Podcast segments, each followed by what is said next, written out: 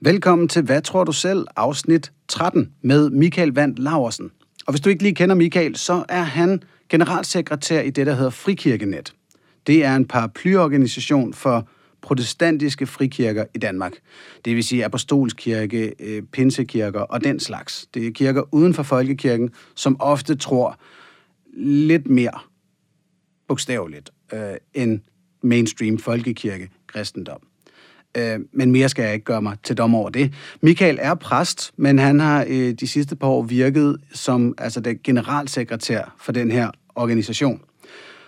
Og vi starter med at tale om Michaels øh, gudforståelse og, og hans tro, og så tager vi også en ordentlig sidevej omkring øh, evangeliernes øh, historiske validitet og hvad vi egentlig ved om, om Jesus og så videre. Øh, det er en lidt nørdet snak, som samtidig så også indebærer, at vi ikke som rigtig er historikere, men, men det, det er ganske skægt. Og så efter 45 minutter, cirka 45 minutter inde i den her podcast, der skifter vi fuldstændig over og begynder at tale om sex. Altså først øh, øh, religionshistorie, derefter sex. Så hvis du ikke lige føler for at dykke ned i, i den første diskussion, så kan du altså bare gå direkte hen til 45 minutter i den her podcast, og så taler vi om, om Michaels syn på, på sexlivet, som jo er, øh, det skal helst være mand og kvinde, hurtigt spoiler, og, og helst ikke være homoseksuel, og helst ikke føre ægteskab osv., og, og, om, og i mødet med min seksualitet, som er, øh, det skal bare være øh, lige, hvad du har lyst til. Og, og det er så det, vi bruger resten af tiden på, som jeg synes var en enorm fed snak.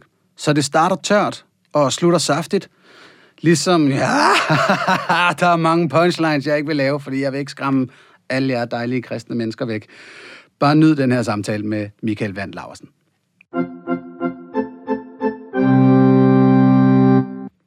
Michael Vand Laversen, velkommen i Hvad tror du selv? Tak, skal du have. Øhm, og lad os bare kaste os ud i det. Øh, du er en kristen mand, det har jeg allerede været inde på i introduktionen, men ja. lad os lige få, få niveauet på plads. Ja. Øhm, hvor gammel mener du, at planeten Jorden er? Uh, det aner jeg simpelthen ikke. Det, er, det har jeg ingen som helst begreb om. Uh, Okay, men så. det er ikke 6.000 år, øh, Nej, altså man, man, man, kan sige, øh, man kan sige, den øh, beskrivelse der af Bibelen, i Bibelen, øh, det er jo sådan i forhold til menneskets historie, og det er ikke sikkert, at den heller skal forstå så kronologisk, men jorden eksisterede jo sådan set allerede i første Mosebog. Jorden var øde og tom. Så øh, hvor lang tid jorden eksisterede, det aner ikke noget om. Det siger Bibelen så rent faktisk heller ikke noget om. Okay. Hvad så, når, når videnskaben går ud og siger 4,5 milliarder år, tænker du så, det er, nok, det er nok rigtigt? Det, det kan sagtens passe. Altså, okay. jeg, jeg, har jo, altså, jeg har så ikke nogen problemer med videnskaben. Okay, det er godt. Ja. Jamen, fordi så kan vi også lige tage den næste. Øh, ja. Altså sådan, øh, menneskearten øh, er vi udviklet af en forfædre, der er en abelignende størrelse, og i sidste ende nogle encellede organismer jævnfør, sådan hvordan evolutionsteorien forklarer det? Eller tænker du, Gud lavede den også sådan der? Bang. Øh, jamen, for det første så er jeg her som præst, så jeg er ikke her som øh, øh, biolog eller som videnskabsmand. øh, så, øh, så derfor så passer jeg altid på med at prøve at gøre mig klog på masser af sådan biologiske begreber osv. Mm-hmm. Øh, hvordan mennesket blev til, det kan jeg egentlig ikke svare på. Altså det er klart, at øh, i Bibelens skabelsesberetning, så er det centrale, det er, at, at mennesket er villet, at Gud ville os. Så Gud øh, ville mennesket, og han øh, skabte menneske, formede menneske. I hvor høj grad den fortælling, som vi har i første Mosebog, skal forstås øh, symbolsk, og hvor høj grad den skal forstå bogstaveligt, det tror jeg, der skal en god portion ydmyghed til. Altså, jeg tror, at vi nogle gange fra vores vesterlandske kultur har en tendens til at læse vores øh, hvad kan man sige, vores kronologi og vores bogstavelighed i vores sådan græsk-filosofiske tænkning ind i den hebraisk-jødiske øh, beskrivelse. Så jeg tror ikke, at, øh, at skabelsesberetningen nødvendigvis skal forstås fuldstændigt øh, bogstaveligt, som vi vil sige det. Øh, Gud kan sagtens have brugt naturlige processer, mm. øh, når han skabte jorden, når han skabte verden. Og øh, jeg synes ofte også, når man observerer i gamle, igennem det gamle testamente, hvor der sker sådan, øh, man kan sige, markante begivenheder, sådan, hvor øh, altså de 10 plager i Ægypten for eksempel, og sådan ting, og så, jamen, så er der ofte noget, hvor du også kan sige, at det kan du godt forklare naturvidenskabeligt. Øh, altså for eksempel, da der blev mørke i Ægypten som en af de 10 plager, og der blev mørke over hele landet, øh, så hørte jeg radiovisen for nogle år siden, hvor en eller anden sagde, at nu var det ligesom, at man øh, øh, fået påvist, at samtidig med øh, bilens beretning om mørke, jamen, så var der stort udbrud på øh, hvad hedder den, Sicilien, Etna, øh, og det var så markant det udbrud, at det ville kunne have skygget for solen i Ægypten, så der var helt mørkt i Ægypten mm. i den periode. Ikke? Og, og for mig er det jo bare et eksempel på, jamen, jeg tror der på, at Gud bruger naturlige processer langt, langt hen ad vejen. Øh, og det tror jeg, så han har brugt i skabelsen af jorden. Så jeg tror ikke, at man skal forstå skabelsesdagenes syv dage bogstaveligt som syv gange 24 timer. Mm. Øh, dag bruges på utrolig mange måder i den hebraiske bibel. Bare i den første kapitel i Mosebog, så er der så mange forskellige forståelser af ordet dag. Så det er mere at forstå som epoker eller en, en begivenhed, der har en begyndelse, og så ligesom glider over i en ny begivenhed. Alright. Det var et, øh, det var et tæskelangt svar. Øh, Undskyld, men du sagde, vi havde så meget tid, Anders. Ja, jeg tænkte, skal... jeg skøre, køre. Du må bare afbryde mig. Ja, du er ikke den første præst øh, i den Ej. her podcast, så bare rolig. Jeg ved godt, hvad betingelserne er. er, vi, er vi de eneste, der taler langt, eller hvad? Nej, nej, bestemt ikke. Jeg er nej. også skyldig, men der er også mennesker, der mener, at jeg er en form for præst efterhånden. Ja. Øhm, men det vil så sige, at når øh, det videnskabelige kollektiv går ud og siger, hey, det ser ud som om, at vi er opstået af nogle, fra nogle encellede organismer, og så er alverdens dyr og planter og så videre udviklet sådan her, at så tænker du, det går fint i spænd med min Gud. Han har nok startet det hele. Igen, jeg er ikke videnskabsmand. Øh, og jeg vil Nej, det er heller ikke. Jeg, jeg stoler bare på Og jeg vil, jeg vil heller ikke, og derfor er jeg sådan forsigtig med at udtale mig omkring. Jeg kan jo konstatere, at der findes øh, rigtig mange dygtige, kloge videnskabsfolk, som jo samtidig er stærkt troende mennesker, øh, og som jo har en... Øh, øh, ingen problemer har i forhold til at forbinde øh, troen på Gud, den skabende Gud, og så samtidig, at der er processer.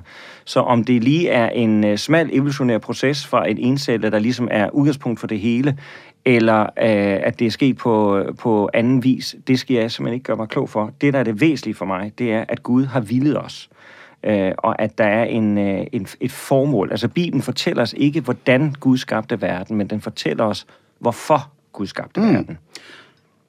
Åh, oh, jeg har ikke lyst til at lade dig slippe helt endnu. jeg, jeg prøver lige en sidste her. Yes. Altså, vi har sådan efterhånden ret stærk biologisk evidens, og vi har en, en, som jeg sagde, et kollektiv af biologiske videnskabsmænd, der siger, det her er i hvert fald processen fra encellede organismer frem til mennesker. Mm over en, øh, øh en, en 400-500 millioner år, tror jeg det er. Eller måske 2 milliarder, tror jeg. Mm. Stoler du på det? Uagtet, altså, ja. det er uden Gud ja. nødvendigvis i det. Ja, altså det, det sjove er jo, du ikke, altså du netop for tredje gang stiller mig spørgsmål, ikke? og du vil ikke lige lade mig slidt så nemt. Og det siger også lidt om dig, Anders. Altså det siger ja. om, at i dit verdensbillede, så er der et stærkt modsætningsforhold mellem tro og videnskab. Nej, nej, nej, nej, nej, nej, nej, nej, nej, nej, okay, okay. Det er ikke det, jeg er inde på. Ah, okay. Det, jeg er inde på, er, at et rimeligt, jeg har et stærkt tiltro til det videnskabelige kollektiv, der går ud og siger, sådan her hænger livet sammen. Mm. Ikke livets opståen, der er vi ikke noget, det aner mm. vi ikke noget om.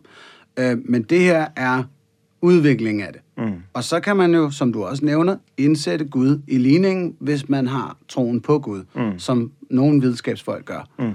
Og der er det så at spørge, jamen, den proces, de videnskaben går ud og siger, der er sket, mm. stoler du på dem, når de siger det? Jamen, det, øh, igen, jeg, jeg kommer til igen til mig selv lidt. Jeg er ikke videnskabsmand, mm. så derfor har jeg ikke lyst til at gå ind og diskutere de enkelte ting. Jeg kan se, når jeg læser nogle af debatterne, så kan jeg jo se, at der er øh, en livlig diskussion omkring en del af de øh, videnskabelige øh, elementer.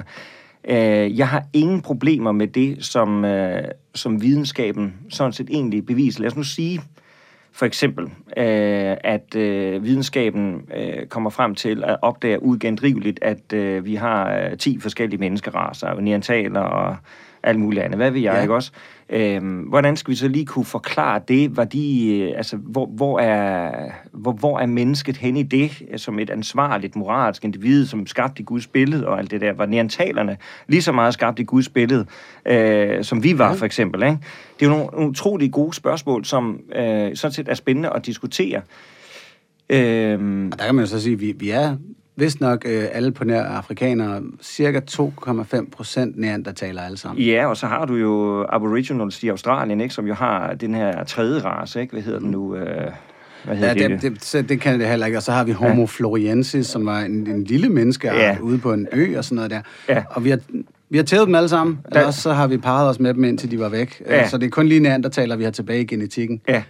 Og hovedpointen for mig i det, det er, at igen, jeg har ikke sat mig vildt ind i det, så derfor så vil jeg ikke udtale mig lige om de specifikke ting i det, men hovedpointen for mig i det, det er, Gud blæser på et tidspunkt sin livsånd ind i mennesket. Øh, og Gud skaber mennesket i sit billede. Øh, og det er det, der er det centrale. Så der, hvor mennesket bliver et, et, et bevidst individ, et menneske, der kan bære Guds ånd, et menneske, der i den måde kan forholde sig både til sig selv og til, øh, til den Gud, der har skabt det. Øh, det er der, som, som jeg opfatter som der, hvor Adam og Eva bliver til, hvor Gud skaber mennesket. Øh, Gud skaber Adam og Eva i, i sit billede. Så hvor det oh, ligger hen i processen, Ja. det kan jeg ikke lige gøre mig øh, klog på her. Der kunne jeg garanteret blive vildt meget klogere, hvis jeg satte mig mere ind i det. Men Mm. Jamen, det, og det her, kan jeg huske, det tror jeg, vi har været inde på tidligere i den her podcast, vist nok med, med Henrik Højlund i afsnit 2, hvis man mm-hmm. er typen, der vil grave tilbage, ja. øh, hvor vi snakkede lidt om, at, at hele det der med Adam og Eva og, og selvbevidstheden mm-hmm. i mennesket øh, meget vel kunne være en måde at, at, at billedliggøre, hvad, hvad nogle videnskabsfolk og historikere kalder den kognitive revolution, mm. da vi ligesom som homo sapiens tog en, en kraftig acceleration over ja, meget få år i en evolutionær øh, øh, kalender, øh, øh, forøgede vores hjerner mm. og, og sparede lidt på resten af kroppen, mm. øh, især med tarmfunktionen. Mm.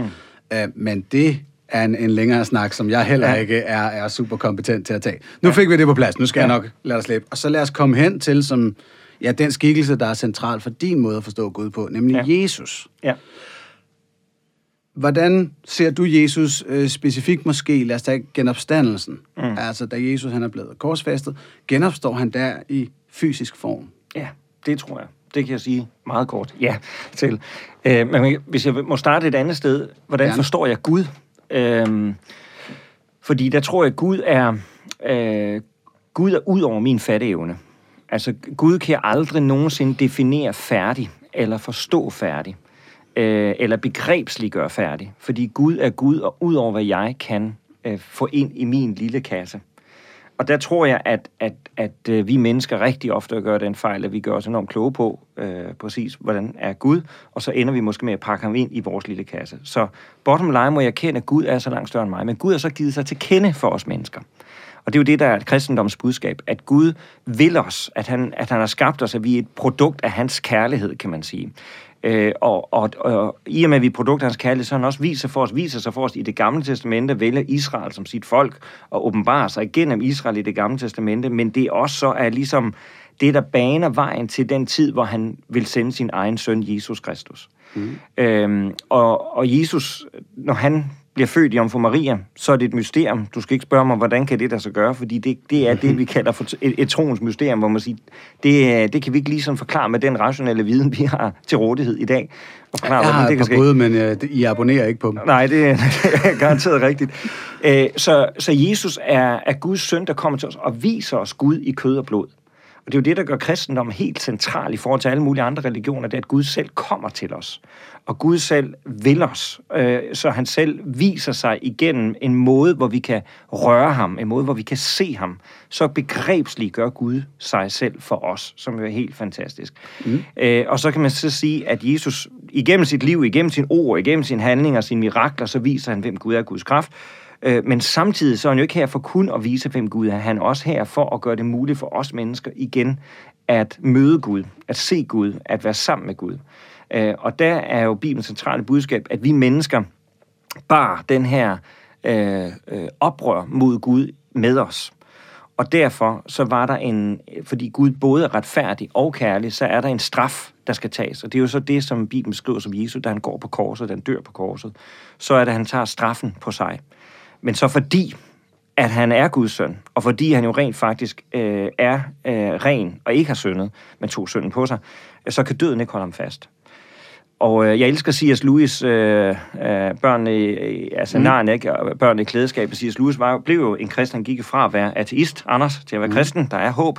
Øh, og, og lavede jo de her Narnia-bøger, som er jo fantastisk beskrivelse, hvor han beskriver om Aslan, som er nødt til at ofre sit liv på grund af, at øh, en af de her børn har, er blevet en forræder og har hjulpet snitdronningen, ikke? Øh, men jo så tre dage efter blev levende igen, øh, fordi at øh, han var øh, uskyldig, og når en uskyldig blev slagtet for en skyldig, så var der den gamle visdom, Og, så og han blev levende igen. det, det er ikke engang fordi, at Aslan er løve Jesus, fordi det medgiver jeg, mm. det er det værste ved hele historien. Det er det der med, at han genopstår. Altså.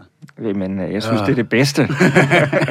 så, så ja, jeg tror, og det er jo helt, altså det er jo helt vildt. Nu, det er så dejligt, vi har taletid, Anders, du skal bare afbryde mig, ikke også? Husk øh, mikrofonen. Ja, så tak. Øh, men altså det med opstandelsen, jeg er, jo, jeg er jo fuldt ud med på, at det med opstandelsen er jo øh, en, et, en vanvittig tanke på sin vis, ikke? For har manden været død i tre dage, så er jo hans hjerne blevet til en suppe, ikke? Altså alle hjerneceller er jo opløst, ikke? Alle blodlegemer er jo ødelagt. Nå ja, men han er jo Gud, ikke? Ja, men det er han jo så. Men, men det hele er det, ikke? Og så har du så den, den beskrivelse, som jo kommer fuldstændig bag på os, disciplene. Altså, det var ingen af disciplene, der havde regnet med, at Jesus skulle opstå for de døde. Det var simpelthen altså, ude af deres horisont. Det er de slet ikke forventet som en realistisk mulighed. Så når han pludselig står der, så er det noget, som de jo knap nok kan begribe. Var det ikke en del af profetien? Jo, men det forstod de ikke. De fattede ikke, hvad han talte om.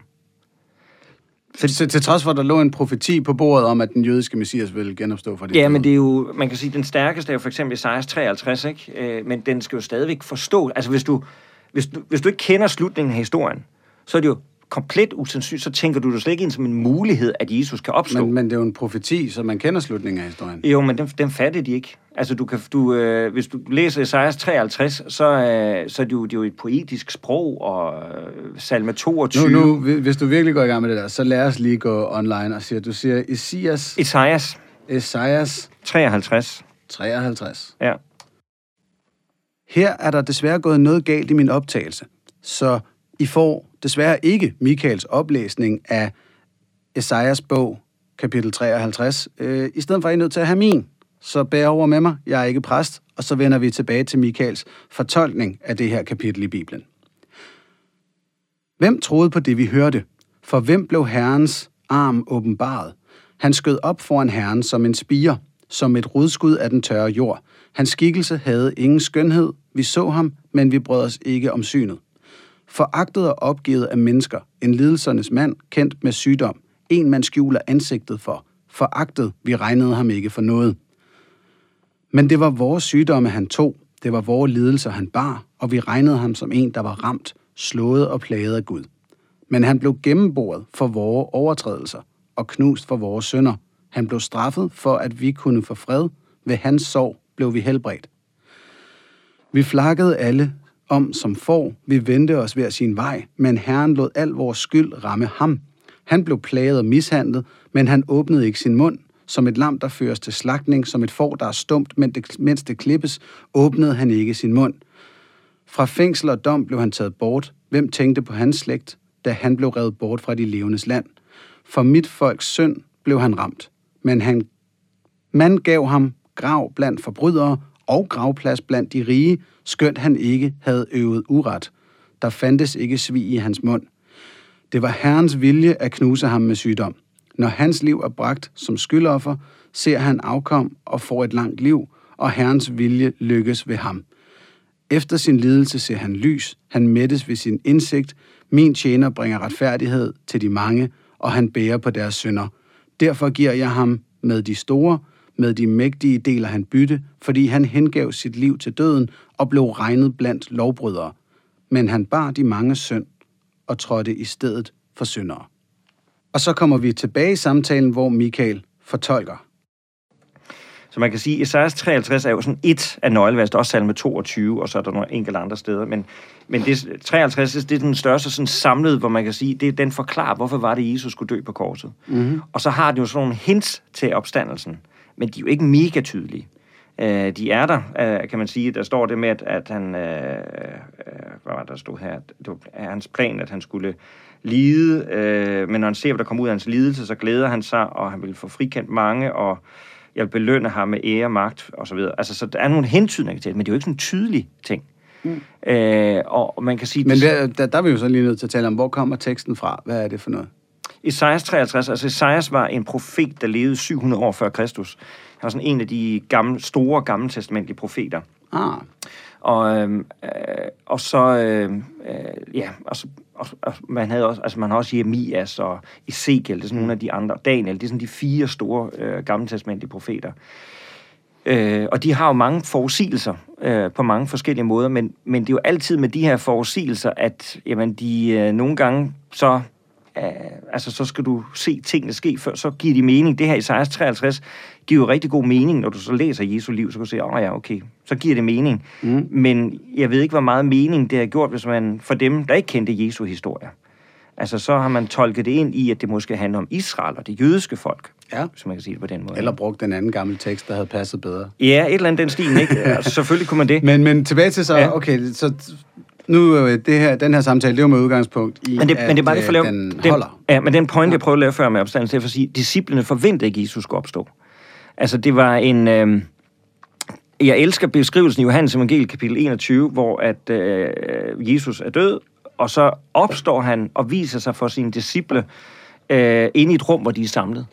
Og, og den beskrivelse, Johannes har, er så utrolig øh, flot, synes jeg, eller sjov, synes jeg på en måde, fordi de er sådan helt lamslået. De kan næsten ikke sige noget. Og til sidst, de tror, det er et spøgelse, de ser, ikke også? Og til sidst, så siger Jesus til dem, har I noget, jeg kan spise? Altså, så får han ligesom på isen, ikke? Og, og, og så, tager han jo, så giver de ham et stykke brød, ikke? Og de er jo stadig lamslået, og så begynder han at spise, og, og de følger jo med. Altså, det er jo en fuldstændig utænkelig tanke, at den her mand skulle kunne opstå for de døde. Så det vil sige, at de, for eksempel folkekirkepræster og biskopper, jeg taler med, som understreger, at de ser opstandelsen som en mere symbolsk størrelse, og at, at de oprigtigt ikke mener, at Jesus genopstod fysisk, mm de ignorerer nogle dele af for eksempel Johannes evangeliet. De ignorerer rigtig meget, synes jeg. Altså efter min mening, hvis man mener, altså det, det er en, den tyske teolog Bultmann, Jürgen Bultmann, han var sådan den sådan store øh, fortaler for det der synspunkt, der siger, at, at det var en indre opstandelse, som disciplene fik. Mm-hmm. Øh, for mig er det en, øh, en fornikkelse af en meget væsentlig kernepunkt i hele kristendommen. Altså Jesu død og opstandelse. Øh, det allervigtigste argumentationspunkt for de første kristne, det var, at Jesus er opstanden. Og de talte altså ikke om en indre opstandelse. Det er sådan en, en uh, Bultmann, han vil gerne prøve at afmytologisere det var et svært ord. Ja, nogle gange rammer man bare. ja, lige præcis.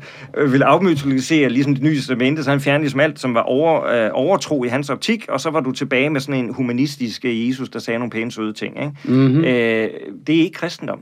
Altså, kristendom er totalt overnaturlig i sin e- e- e- essens. Der er et par ting der, hvor jeg virkelig er med dig, og jeg, ja. jeg vil lige som en teaser til lytterne sige, hvis man skal prøve at høre øh, den mere mainstream folkekirkelige udgave af opstandelsen, så øh, vil jeg anbefale mit afsnit med biskop Peter Fischer Møller fra Roskilde Stift, hvor vi bruger en 20 minutters tid på at få defineret, hvordan han forstår opstandelsen. Det er ikke en lige så klar størrelse, som du leverer her, Michael. Men er det virkelig mainstream i folkekirken?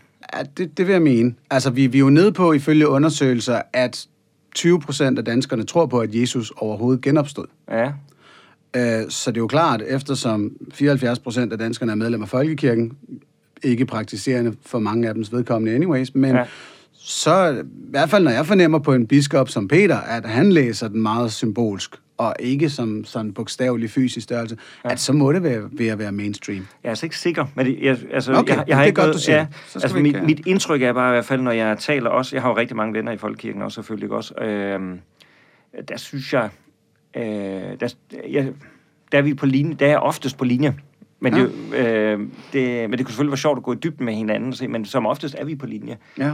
ja, men fordi der er jo så netop også det paradoks, at hvis, jo mere man fjerner, mere man går ham her Bultmanns ærne og mm. fjerner det overnaturlige, jo mere kommer man jo så hen i at læse Jesus som et menneske. Mm.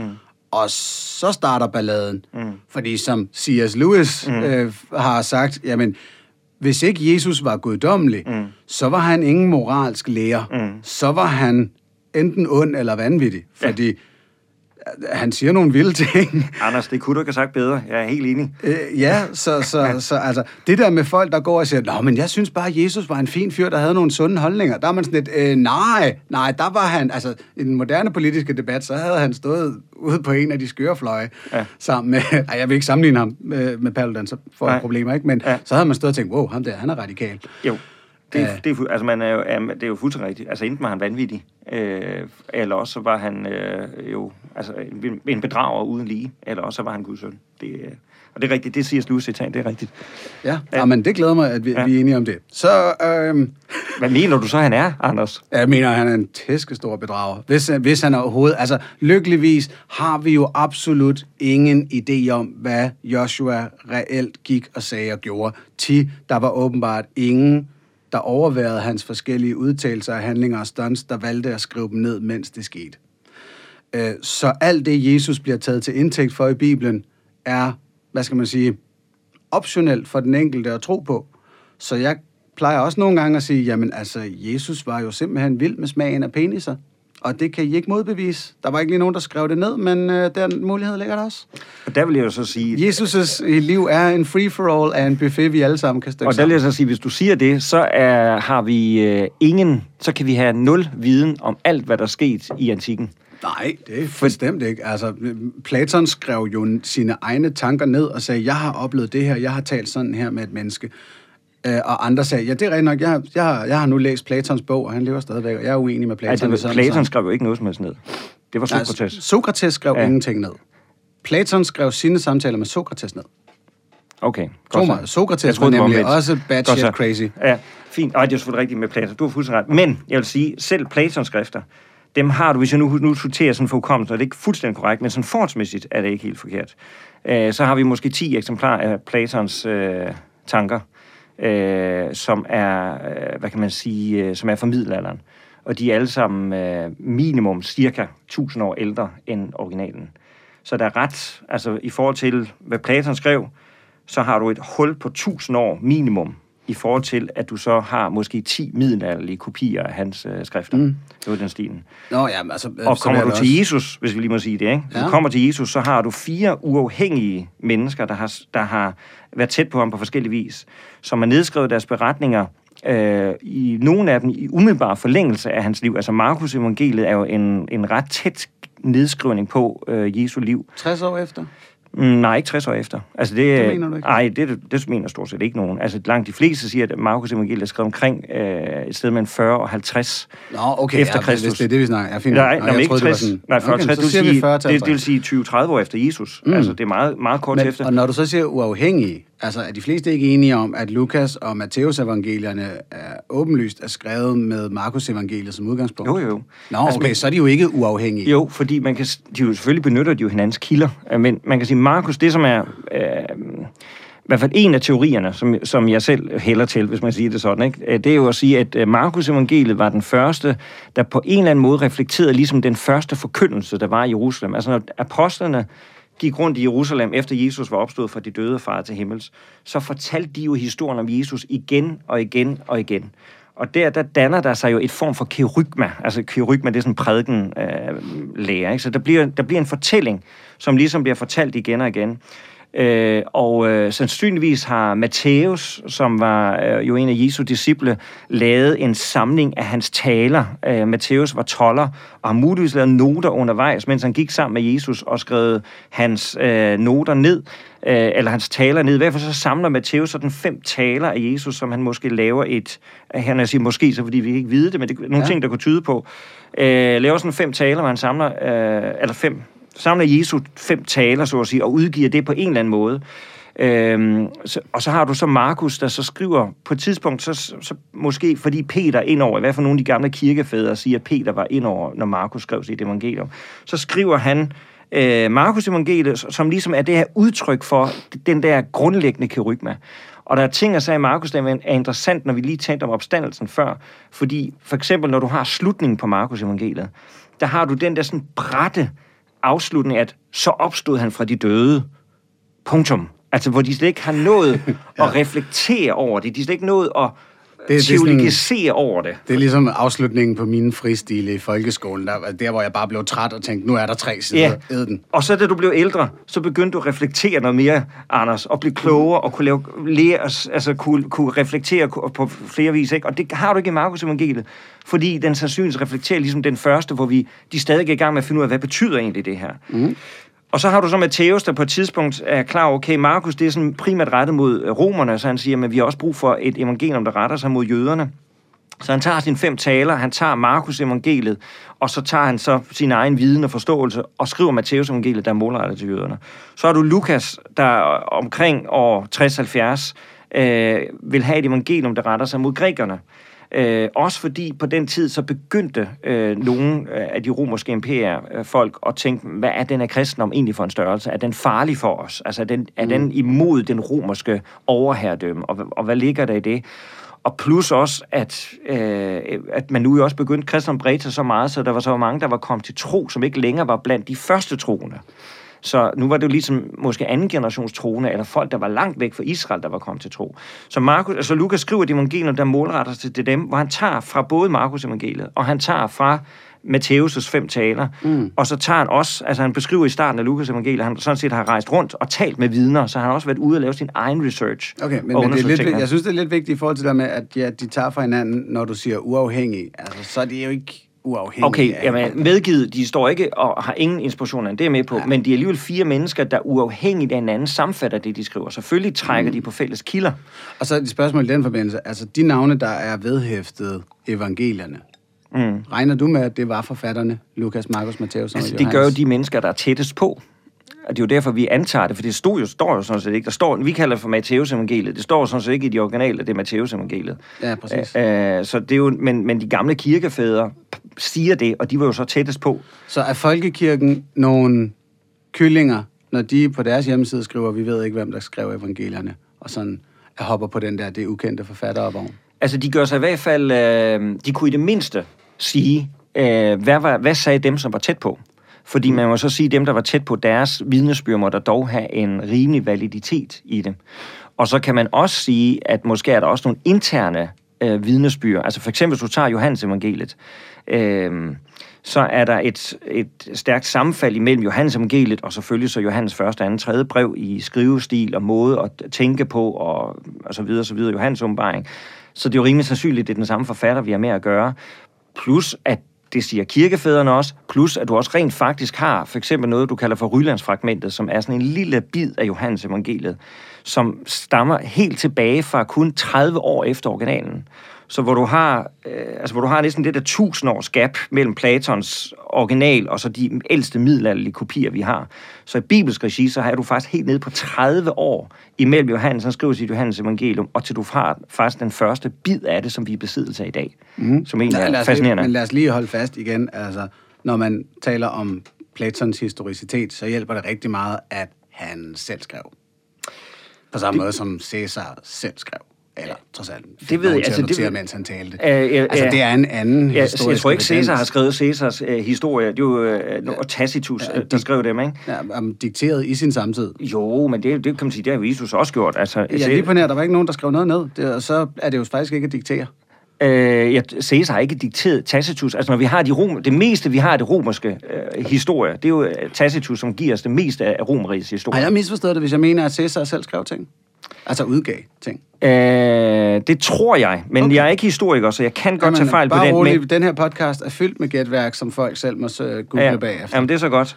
Det er så godt. Æ, øh, så, øh, så, så der, altså man må sige, når det kommer til Jesus, Jesus som historisk person, så kan du simpelthen ikke finde nogen, der er tilnærmelsesvis. Altså, når jeg siger, at du har 10 middelalderlige skrifter af Platon, cirka, altså jeg husker mm. ikke tal præcis. Når det kommer til Jesus og det nye testamente, ikke, så er vi op på 5.000 originalmanuskripter. 5.000. Øh, det er imod væk mange, og hvis du sådan tager dem, der er oversat til andre sprog, og så har du op på 10.000 manuskripter, der ligger inden for en tidshorisont på, øh, øh, hvis du tager dit første 300 år efter, mm. altså op til 300 år for, så du har et kæmpe, altså når du... Men, men her er det jo så også rigtig vigtigt, grund til, at der er det massive bibliotek af tekster, det er jo på grund af missionsbefalingen også, at jo, det her, jo. det skal spredes. Men, men det betyder jo alligevel, at du så kan, uh, du kan jo tracke, altså dels kan man sige, så er der en enorm, så viser det, at de faktisk siger det samme budskab. Altså, der er ikke nogen, der, der i sin øh, hvad kan man sige, sunde videnskabelige øh, forstand vil sige, at det nye testamente, vi sidder med i dag, er et nyt testamente, som bare er opfundet ud af det blå. Altså fordi du vil kunne du vil kunne sige, de siger stort set alle sammen det samme. Mm-hmm. Du vil være nødt til at anerkende, at de går rigtig langt tilbage. Altså Rylandsfragmentet gør, at du er i hvert fald nødt til at anerkende Johannes evangeliet som værende så gammel, som det er. Men du også, fordi du har sådan en stor udbredelse af det, så kan du begynde at regne baglands og sige, okay, hvis vi nu har det her manuskript herover på det her tidspunkt, så må det jo være en kopi af noget, som lå der, som lå der, og så videre, så kan mm. du regne tilbage. Yes. Så du har ikke tilnærmelsesvis noget, der er så velbevidende som Jesus. Wow, Plus, wow, plus, wow, wow, plus, plus, wow, plus. Michael, det der, det var ikke i orden. Tilnærmelsesvis noget, der er så velbevidnet som Jesus. Ja, historisk set. Det er en langt ud- udtalelse.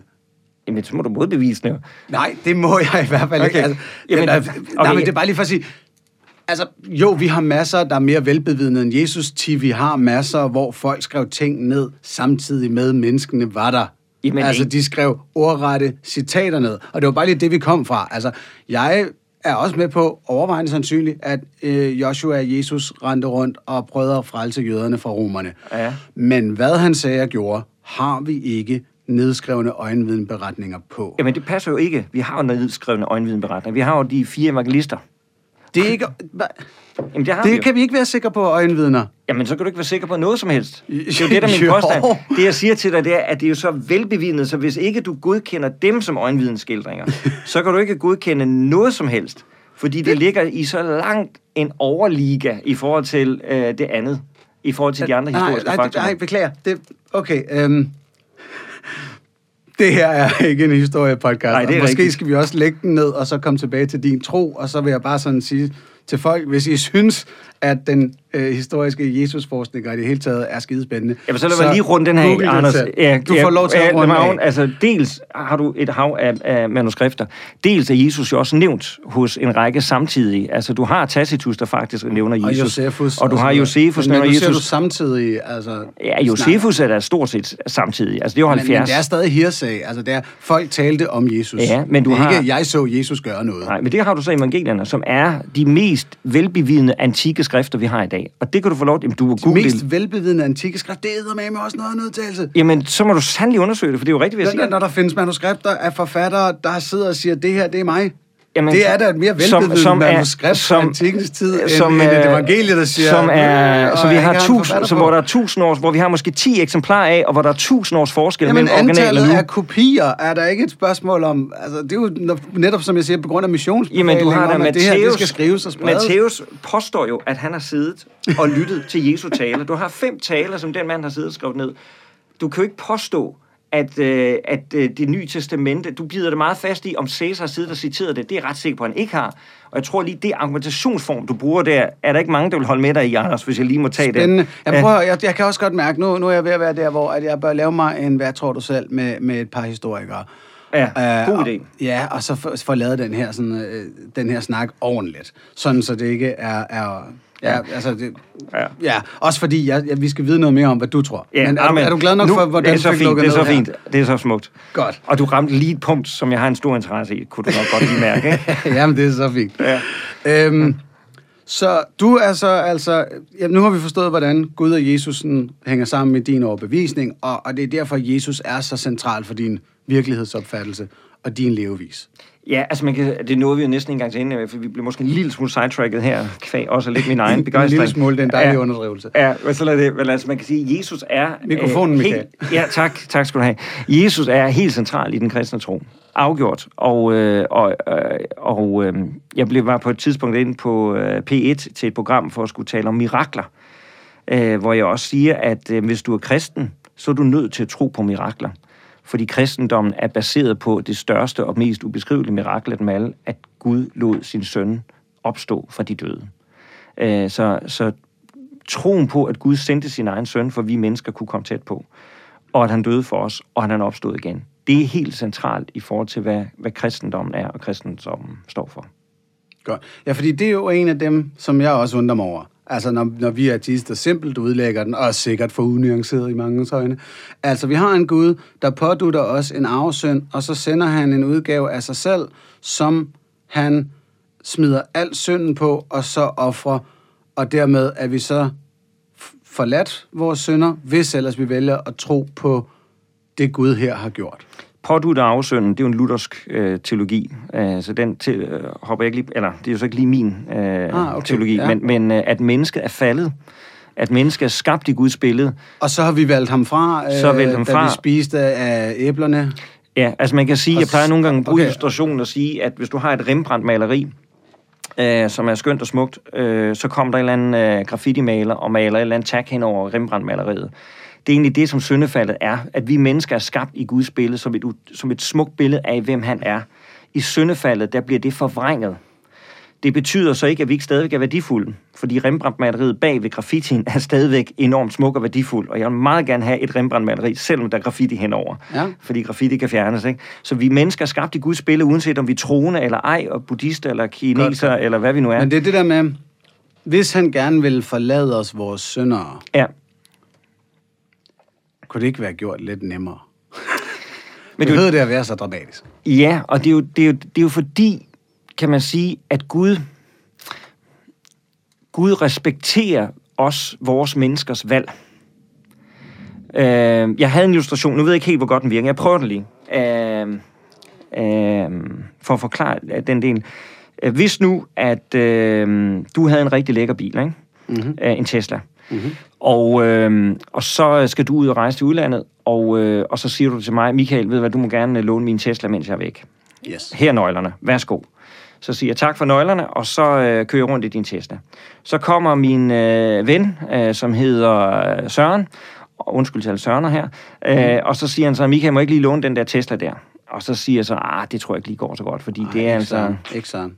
Nej. Ikke Søren. Øh, det, altså, det, det er den onde fyr, vi er ude i her. Jamen, han kører helvede. Jeg kan mærke, han, han kører Jamen, det gør han nemlig. Ja. Det, det bliver slemt, det her. Øh, så, så, så fordi Søren er den, han er, jeg lider som at lade mig lokke og tro på ham, så giver ham nøglerne til din Tesla. Og så tager han din Tesla, og så kører han til Tyskland og brager løs, og, og, og, og så kommer du hjem, og så spørger du, hey Michael, jeg gerne min Tesla tilbage igen, så siger jeg så, hey, jeg er ked af det, men Søren har den. Øh, og der har du jo så et valg i den situation, og det valg, du har, det er at sige, Michael, din store idiot, jeg kommer aldrig nogensinde til at betro dig min Tesla igen, og nu ringer jeg til politiet og sørger for at få den Tesla tilbage igen. Det er den ene mm. mulighed. Den anden mulighed, du har, det er at sige til mig, øh, Michael, sørg for at skaffe den Tesla tilbage igen. Og så, øh, og så tager jeg til Tyskland og finder Søren og banker ham og tager Teslaen tilbage og kører den hjem til dig og fikser den og giver den tilbage igen. Ikke? Ja. Hvis man sådan skal tage den over til kristendommen, så er det egentlig det, Gud han betror os mennesker, den her jord og det her skaberværk, som han har givet os. Mm-hmm. Øh, vi, djævlen kommer, franar os sådan set øh, autoriteten i det. Og Gud kan der i det valg sige til, at I tør som mennesker, nu slår jeg bare ham der djævlen ihjel og ordner ligesom det hele. Men hvis han havde gjort det, kan man sige, så har han frataget os øh, vores ansvar i det, øh, som han gjorde. Så i stedet for, så sender Gud sin søn som et menneske, så Jesus bliver et menneske. Ja. Så Jesus på menneskehedens vegne går hen til djævlen og siger, det du har taget fra mennesket, den autoritet, du har taget, den, øh, det, det oprør, du har, du har skabt, det fikser jeg. Altså, det, det, det, det tager jeg tilbage. Så Jesus bliver et menneske, fordi som menneske, så kan han øh, tilgive os, øh, til, zone det, vi har gjort forkert. Altså bringe Teslaen tilbage, så at sige. Og på den måde, så forener han os sammen med Gud. Okay, den var lidt lang, kan jeg se på dig. den kan også være, den var lidt for lang. Ja, men, men, men, men jamen, det er ikke, fordi den er for lang. Ja. Altså, Jesus er stadig Gud, ikke? Jo, det er han, altså, men han bliver menneske. Min Ja, pointe med den her historie er egentlig bare at prøve at forklare, at Gud øh, ved at sende sin søn, så fastholder Som Gud, lidt af ham selv. som både er ham selv, men som også bliver menneske. Altså, Og det som jo, også er hans søn. ja, lige præcis. Jesus 100% menneske, 100% Gud, som er en af de der igen mysterier i kristendommen. Men ved at gøre det, så fastholder Gud os mennesker, at han ikke bare, øh, han fastholder os i vores ansvarlighed over for ham, i vores relation med ham. Han, mm-hmm. han kunne godt have skubbet os til side, men fordi... Men, men er det så ikke Gud selv i Jesu form, der sørger for alt det her? Anyways, der er jo knap nok nogen mennesker, der er med ham på det her tidspunkt. mm, Vi, altså, igen faktisk vælger ham fra og slår ham ihjel. ja, så hvordan har menneskeheden gjort noget som helst? man kan sige, at i og med, at Jesus vælger at blive et menneske, og som et menneske, øh, så bringer han, øh, han- så at sige, zoner menneskehedens skyld over for Gud. Så når Jesus dør på korset, så øh, den bedste illustration at tage derfra, det er sådan set, øh, det, det er at sige, at Jesus på en måde, der bliver han som, som slangen. Dengang Moses han er ude i ørkenen på et tidspunkt, så gør jøderne oprør mod, mod Moses og mod Gud, og der kommer slanger og alt muligt andet. Ikke? Og så siger Moses, hvad skal vi gøre? Gud siger, lav sådan en koverslange, og hvis de kiver, kigger hen på den der slange, der lavede kover, så vil de ikke dø af bidene.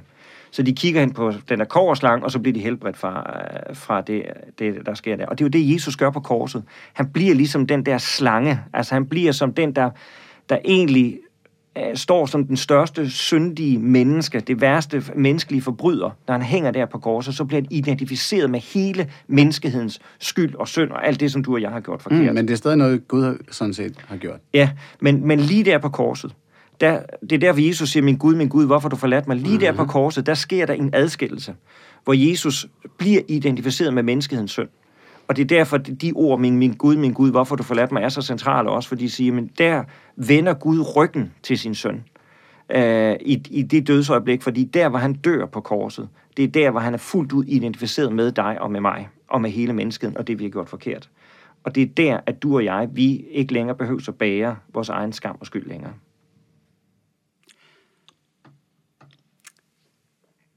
Der er noget helt særligt ved den historie. Det er rigtigt. Og det er, at altså der, der er ikke nogen logisk øh, dramaturgisk ark på. Øh, altså hvis man sådan satte en, en, en moderne manuskriptforfatter til at sidde og kigge på den, så vil han tænke, undskyld, men, men der er plothuller galore, jeg kan ikke finde ud af, hvornår at point of no return sker, og så videre, og så videre. Øh, så man, altså det er sådan, ja, det jeg leder efter her, det er et argument for, at ja, den er ikke menneskeskabt, den der, fordi hvis vi skulle fortælle en historie, så havde den et lidt mere linært og forståeligt forløb. øhm, og jeg tror måske også, det er en force i kristendommen, at den er så afsindig svær at begribe. Øh, sådan så det, at det, at det netop, man kan blive ved med at tale om det i 2.000 år, og det kan skyde alle de her forgreninger af sig. Øhm, men jeg, jeg, jeg, jeg forstår den en lille smule bedre. Øhm, og jeg forstår dig så langt, at, at jeg kan nemlig godt lide, Michael, at, at Jesus er så central for dig. Mm. Og, og det er jo det, der giver mening med kristendom, mm. at det handler om Kristus. Og det er mm. også noget af det, der frustrerer mig, når folk kalder sig kristne, uden at egentlig tro på, at Jesus var Kristus. Mm. Så er jeg sådan helt, undskyld, men så, så er du jo bare en ateist, der synes, kristendom har fat i noget. Øhm, så nu er vi fremme ved. Du er en kristen mand i Danmark, 2020. Mm. Det er et par tusind år siden, at, at det her skete, og, og det har jo så en lang række øh, konsekvenser og betydninger for din levevis. Mm. Så lad os prøve at, at springe frem til nutiden mm. og, og tale mere om dig end om Jesus. Mm. Uh, jo. øhm, du er øh, protestantisk, hvilket vi, vi lige har gennemgået. Det, det er så den ja. her Jesus-forståelse. Ja. Øhm, og det hvilket vil sige, at, at frelsen ligger blot i, at man tror på Jesus. Ja, right? og jeg skal lige skynde mig at sige, at øh, Jesus-forståelsen, som jeg lige har givet udtryk for, den er fælles for alle kristne. Altså uanset om det, det jeg lige sagde her før, med Jesus på korset, det, det er den ortodoxe kirke, den katolske kirke, den protestantiske kirke fuldstændig enige om. Ja. Så det her, det, er sådan, det, det jeg lige beskrevet her, det er kernen af kristendom. Øh, og jeg plejer nogle gange, når sådan lige skal... Og det, og det vil så sige, øh, mormoner og Jehovas vidner, det er sådan nogle lidt andre fringy forståelser? Ja, altså mormoner og Jehovas vidner, de, øh, de har deres egen... Øh, man kan sige, de bliver ikke anerkendt som, som klassiske kristne, fordi de på en række centrale områder ikke er enige i kernen. Ja, det, det er faktisk kun... Ja, jeg regner dem som kristne. I gør faktisk ikke. Det er, er rigtigt. Det ja, ja, okay. ja, det er rigtigt. Altså, det, det bliver et slagsmål om ord. Fordi mm. selvfølgelig tror de på Gud og Jesus, men det er ikke det samme. Det, altså, de, de afviger fra den klassiske kristendom. Det gør de. Ja. Øh, men, men jeg plejer at sige, at du har en kerne, som alle kristne er enige om. Altså så, når vi tager mormoner i hovedvidnet, i hvert fald til dels udenfor, de er ikke enige i det hele. Men, men katolsk, ortodox, protestantisk, vi er enige om, at Jesus er Guds søn, at han kom, at han levede, at han døde, og at han opstod igen øh, og, at han, øh, og at han skal komme tilbage igen. Det er sådan, det er sådan den centrale kristendom, kan man sige. Det er vi alle sammen enige om. Udover den kerne, så har du sådan en cirkel af fortolkninger. Ja. Og det er så der, hvor vi fortolker det forskelligt. Og det er så der, hvor du får den katolske og ortodoxe og protestantiske. Yes. Ikke? Og udover den cirkel, hvis jeg lige må tage den med, så har du en, en anden cirkel af tilegnelser, hvor du tilegner fortolkningerne forskelligt. Godt. Så der er forskellighederne, men vi er meget enige om kernen. Godt. Og det er så vi nede i nu, det er, ja. hvilke leveregler det betyder for dig. Ja. Fordi øh, Ja, jeg dykker ned i der, hvor du står lidt ud fra mainstream danskhed. Ja. Øhm, og det er jo gerne de regler, hvor øh, der, der handler om vores sex- og kærlighedsliv. Mm. Øhm, Øh, Der er du en traditionel fyr. Du har et utal af børn i mine øjne. Er det fem? Fem, fem børn. Fem styks. En hæftig overdosis i mine øjne, men ja. Ja. jeg er også øh, nysteriliseret ja, og har altså, nul. Der, er- det er også mange børn, det vil jeg godt nok lige sige. Ja, det er det altså. Og bare rolig, øh, på den måde, der kan man sige, at, at jeg tager dit syndefald øh, CO2-mæssigt i forhold til alle de hippier, jeg omgås. Jamen altså, vi takker, Ja, Anders. så du får lidt af mit manglende Tak. CO2-træk. det er så CO2-kvoter, børnekvoter. Ja. Ja. Bare, bare kald mig klima-Jesus. Ja. Øhm, øh, og, og det, jeg synes er spændende, det er jo, at jeg, fra mit perspektiv, som en, en, en liderlig børnevoksen på 39, det er ikke to ord, jeg skal have i sammensætning. Nej, jeg synes også, det lød lidt mærkeligt. Ja, ja, den var ikke god. Nej. Men altså, som en mand, der, der, der ja, jeg, jeg er stadig single og synes, det er skægt, og ja. Har aldrig været gift, hvorfor jeg jo har syndet i dine øjne, vel? Nej, overhovedet ikke. Nå, okay. Så jeg skulle til at, fordi sex før ægteskabet reglen. Mm. Nå, okay, nu Ja. tror du med, med, med, i forhold til med øh, børn, om det, at du har ikke at få børn. Nå, nej, nej. Ej, Okay, okay. Det, det tænkte jeg, det, altså det Nej. gjorde Jesus heller ikke. Der er man sådan lidt, hey. Ja. nej, her tænker jeg, sex før ægteskab. Hold Ja. du dig fra det? Ja. Oh, selvfølgelig gjorde det. Det er, men det er jo, men nu, så, så jeg hvor ung lige, nu, vil jeg du lige, gift? nu vil jeg lige skynde mig at sige noget her, når jeg siger det, ikke? Også fordi jeg Ja. siger, ja, det gjorde jeg. Øh, I kristenheden, når du kigger på det nye testamente, ikke? så fylder seksuelle, altså man kan sige, budskabet om sex øh, og afholdelse for sex og så videre, fylder faktisk ikke specielt meget i det nye testamente. Det er ikke ligesom et issue på den måde. Men det fylder jo utrolig meget i den enkelte troende. Ja, men det, hvis jeg lige må komme med min lille pointe her. Ja. Fordi øh, min, øh, når du kigger på både Jesus, øh, der, der er det ikke, fordi det fylder vildt meget. Altså, fordi det var, altså, det, det, Jesus siger faktisk ikke særlig meget om det. Han taler jo om selvfølgelig, at øh, han taler om, om ægteskab og skilsmisse og sådan ting og sager. Øh, Paulus taler om seksuelle synder, men taler lige så meget om grådighed og taler lige så meget om egoisme og, og så videre, så videre. Så der er det i hvert fald på samme niveau.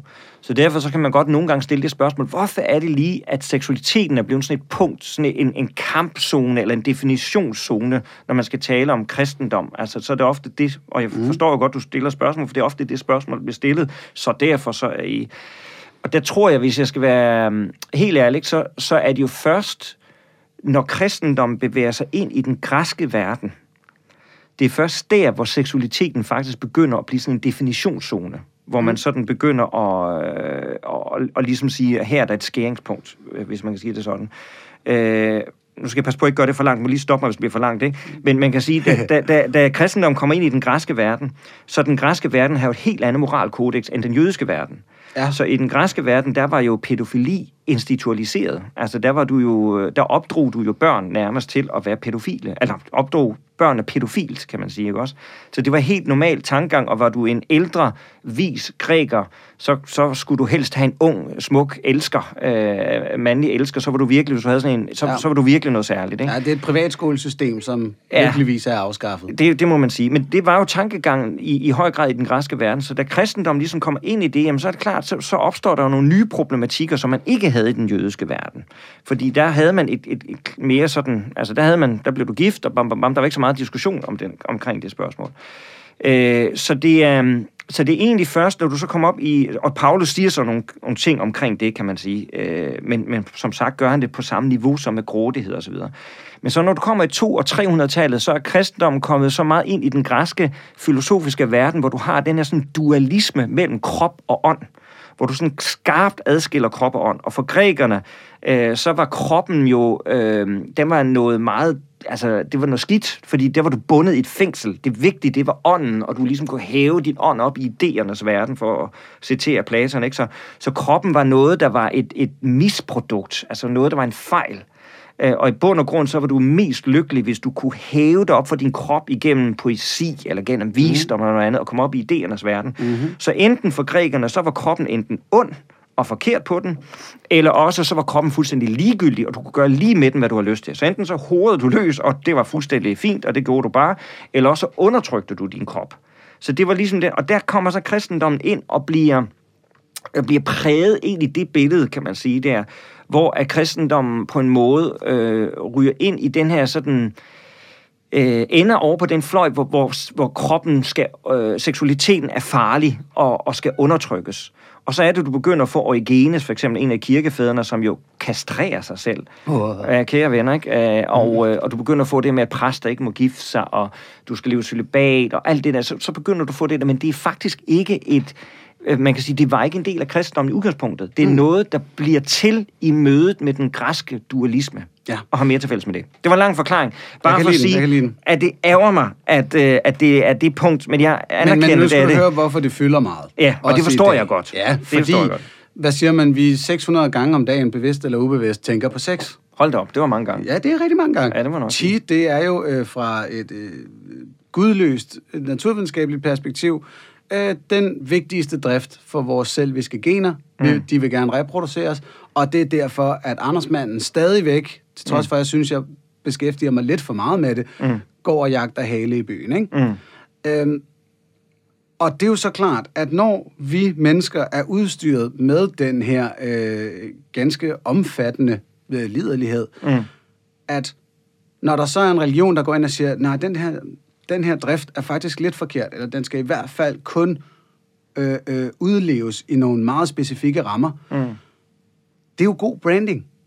Det betyder jo, at hver eneste gang et kristent menneske tænker på sex, så kommer det i tanke om, når jeg Gud har regler omkring det her.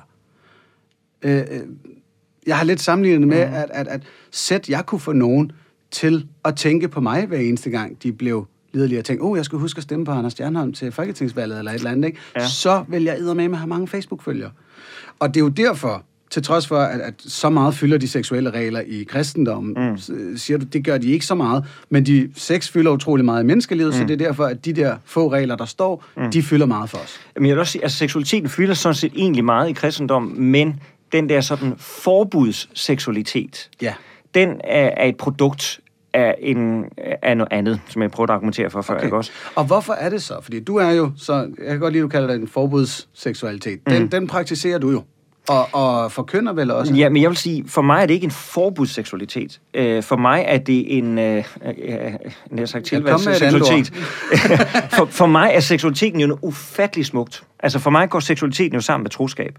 Øh, i, hvis du vil høre, hvad jeg siger til næsten alle bryllupstaler, og jeg tror, du vil kunne lide den her, ikke? Øh, når, jeg Uh, hold, når jeg skal du vi? Ja, jeg tror det faktisk. Når jeg skal vi folk, øh, så plejer jeg at sige, at øh, når Gud skal fortælle noget om det vigtigste om sig selv, altså i det gamle testamente, så skal Gud på et tidspunkt give jøderne ligesom en kort sætning om sig selv, hvor han skal sige, bare give dem én ting, de skal huske om Gud. Så, så spørger, jeg, spørger jeg folk, hvad tror I Gud vil have, at de skal sige om Gud, når de kun skal sige én ting? Hvis Gud vil have jøderne til at huske på én ting om ham, hvad er så det? Hvad tror du? Hvad, hvis du skulle gætte? Øh, kærlighed? Ja, det vil være et typisk gæt. Mm-hmm. Er det ikke det? Okay. så kommer magt, eller så kommer almægtig, altså folk af forskellige valg. Ikke? Når Gud skal dem til at huske én ting, så siger han så, hør, o Israel, Herren din Gud er én. Så det vigtigste Gud vil have jøderne til at huske og til at gentage hver eneste dag, for de skulle sige den her ramse hver dag, det var, hør, o Israel, Herren din Gud er én. Det var det, det vigtigste, de skulle sige. Øhm, Det var vel ja, for at sige, der er ikke flere guder, der er kun den her. Ja, men det vil sige, at enheden er rigtig vigtig for Gud. Og når man så lige dykker lidt ned i den, øh, så kan man sige, at øh, det hebraiske ord for enhed, det hedder echat. Og echat, det betyder egentlig en, en enhed, en ubrydelig enhed, opgjort af flere dele.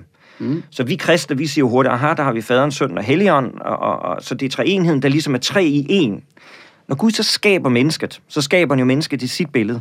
Så kan man stille sig selv spørgsmålet, hvor er det så, vi ser den her reproduktion af enhed? Hvis det vigtigste ved Gud, det er enhed, flere dele, der bliver til en, hvor ser vi så den enhed i, i mennesket, når han skaber som mand og kvinde? Og der læser du så i 1. Mosebog kapitel 1, hvor Gud han skaber manden, han skaber kvinden, og så står der så, at øh, hun bliver taget ud af hans side, og så videre, og så står der så, derfor skal en mand forlade sin far og mor og binde sig til sin hustru, og de to skal blive et. Et. Echat. Og, og så den beskrivelse, som kommer i første Mosebog, som, og det er den første læresætning i hele Bibelen. Det er første Mosebog, det er første gang, der ligesom kommer sådan en derfor-sætning, ikke også? Så når, når den, den sætning kommer, så siger Gud med andre ord, min enhed, som er det vigtigste at sige omkring mig, den reproduceres i mennesket, der hvor manden forlader sin far og mor, binder sig til sin hustru, altså han taler der om ægteskabet, mm. og de bliver til et, som jo taler om den seksuelle akt. Så, så du har fra første Mosebog, at faktisk, at i seksualiteten, i foreningen mellem en mand og en kvinde, der har du faktisk, hvor vi reflekterer Guds enhed. Så hvis vi mennesker er skabt til at skulle reflektere Guds enhed, så er det faktisk igennem seksualiteten, at det er et af de stærkeste udtryk, hvor vi kan egentlig udtrykke, hvem Gud er. Mm-hmm. Og derfor så plejer jeg så at sige, når vi er folk, så siger jeg, i dag, så forlader du, peger på manden, din, din far og din mor, og du binder dig til din hustru. Og I to bliver et. Når I så bliver et, når I øh, bliver et også seksuelt, så ærer I faktisk Gud. Så er det faktisk en lovsang til Gud, fordi I egentlig reflekterer, hvem Gud han er, og hans enhed. Seksualiteten er et billede af, hvem han er. Og så plejer jeg så, fordi jeg har lidt øh, øh, comedy over mig selv, ikke? At, øh, kan man sige, den kan du bruge til et af dine shows, Anders. Så plejer jeg at sige, kære mand, det betyder jo, at du kan gå til din kone, og så kan du sige til en kære hustru, skal vi ikke lovsynge Gud i aften? Fordi rent faktisk er den seksualitet et udtryk for en lovsang og en tilbedelse af Gud på en måde, hvor, hvor seksualiteten udtrykker, hvem Gud er. Mm-hmm. Ja, den er fri afbenyttelse, men husk lige, hvis du bruger den, at du skal lige citere, hvor du har den fra. Jeg lover dig, jeg bruger den ikke. Ja, den, er, den er god, Anders. Hold op. Øh, og, og, og du tog fejl omkring en ting. Jeg bryder mig ikke om det. Øh, Okay. Jeg synes, det, var, det er meget søgt øh, øh, for de forskellige faktorer i den her linje. Det, det er fint at lave den, og jeg kan sagtens se fra et kristent synspunkt, at det er dejligt for øh, især brudeparret at vide, at de må stønne åh Gud så meget, de har lyst til. Øhm, den bruger du bare. øhm, men jeg bryder mig ikke om, øh, at man går ind og, og ja, i mine øjne, der løfter man seksualiteten op til noget, den, den ikke behøver, og altså, der kommer næsten et ansvar ind i den, og så ikke mindst, at den jo begrænser og siger, jamen, seksualitet er kun mellem to, og Prøv lige at forklare mig det der med, at der kommer et ansvar ind i den. Jeg skal lige forstå den. Jamen, det, ja, okay, det er måske heller ikke helt rigtigt, men, men at man siger, det er, det er en måde at lovprise Gud på. Det er en måde, at, at det er meget mere end jeres lyst, jeres drifter og jeres øh, øh, øh, samvær. Hvor at, at der synes jeg jo, at, at det må man gerne løfte sex op til at være, mm. men man må, altså det er lige så tilfældet at sige, hey, det kan også bare være, fordi vi synes, det er sjovt lige at knuppe os op af hinanden nu og her. Mm. Øhm, og det er det der med, at, at jeg synes jo, at øh, alle og enhver skal have lov til at gøre det på enhver måde, så længe alle er frivillige, øh, og vel at mærke har en, en alder og en mentalitet, mm. hvor de kan være frivillige. Bare lige sådan hurtigt, ikke? Og det er jo så der, hvor vores sexsyn er forskelligt. Might. Og det er jo ikke fordi mit der, i, i den her, der er mit jo ikke mere forbudsorienteret end dit, hvis man kan sige det sådan. Der er mit egentlig bare, at jeg har netop et billede af, at seksualiteten handler om mere. Altså, jeg, jeg, plejer, jeg, jeg plejer nogle gange at citere Blaise Pascal, den franske filosof, som siger, at vi ikke er dyr, så vi bare er styret eller drevet af vores drifter. Han siger, at vi er heller ikke engle, så vi kan fornægte vores drifter. Men vi er mennesker, der skal leve med vores drifter. Altså, så, så han, øh, han siger, at som mennesker er vi kaldet til at finde den øh, ja.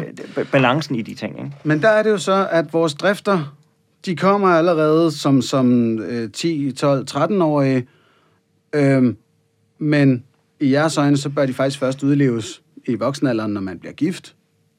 Øh, er onani forbudt i dine øjne? I jeres øjne? Nej. Okay, skide godt. Det, det, det glæder mig faktisk. Øhm, og, men, og så også den her lidt begrænsede ramme. Det er to af gangen, øh, og det er modsatrettet køn og så videre. Hvor at der er jo nogle drifter, der, der...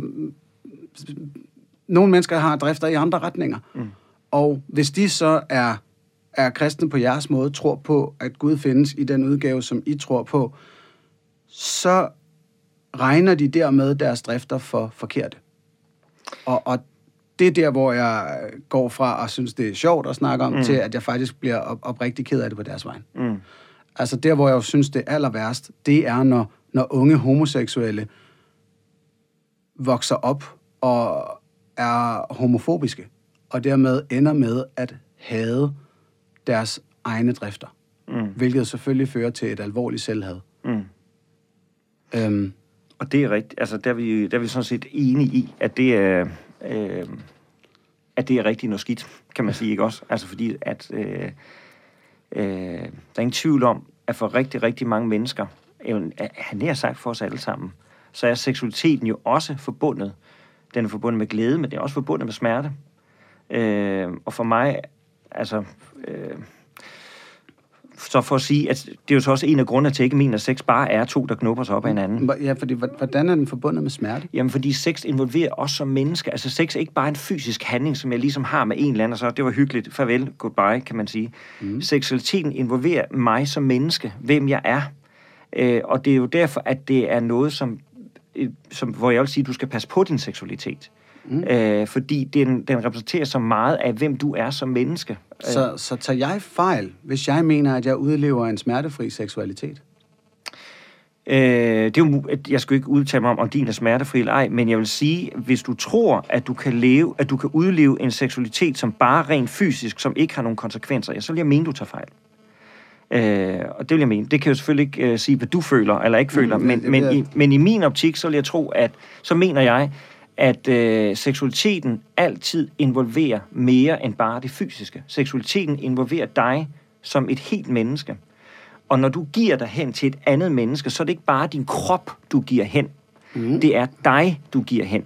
Ja. Og der er vi lidt tilbage i den der græske dualisme, fordi der troede man i den græske filosofi, at vi kan adskille krop og ånd på den måde, så du ligesom bare giver din krop. Men nej, du, det, er, det er dit væsen, du giver. Du, det, er, det er den største tillidserklæring, du kan give til et andet menneske, efter min mening, at gå i seng med et andet menneske. Fordi du er fuldstændig Okay. nøgen, du er fuldstændig sårbar. Øh, så det, det er en fantastisk måde at udlevere dig selv på. Ja, der vil jeg lige sige, øh, som en af mine store helte, Doug Stanhope, har sagt, øh, der er findes større tillidserklæringer. Altså sætningen, ser det her inficeret ud, er noget mere intimt og, og tillidserklærende end, hey, skal vi knalde? Øh, men, men bevares, jeg forstår dig lidt. Jeg forstår altså ikke lige helt den der. Det, det der med altså, at åbne for en, øh, et eller andet, bede en ven om at tjekke, hvad har jeg gang i her? Er det noget, jeg bør gå til lægen med? Der, der har man også fat i en, en tillidserklæring, en, en intimitet.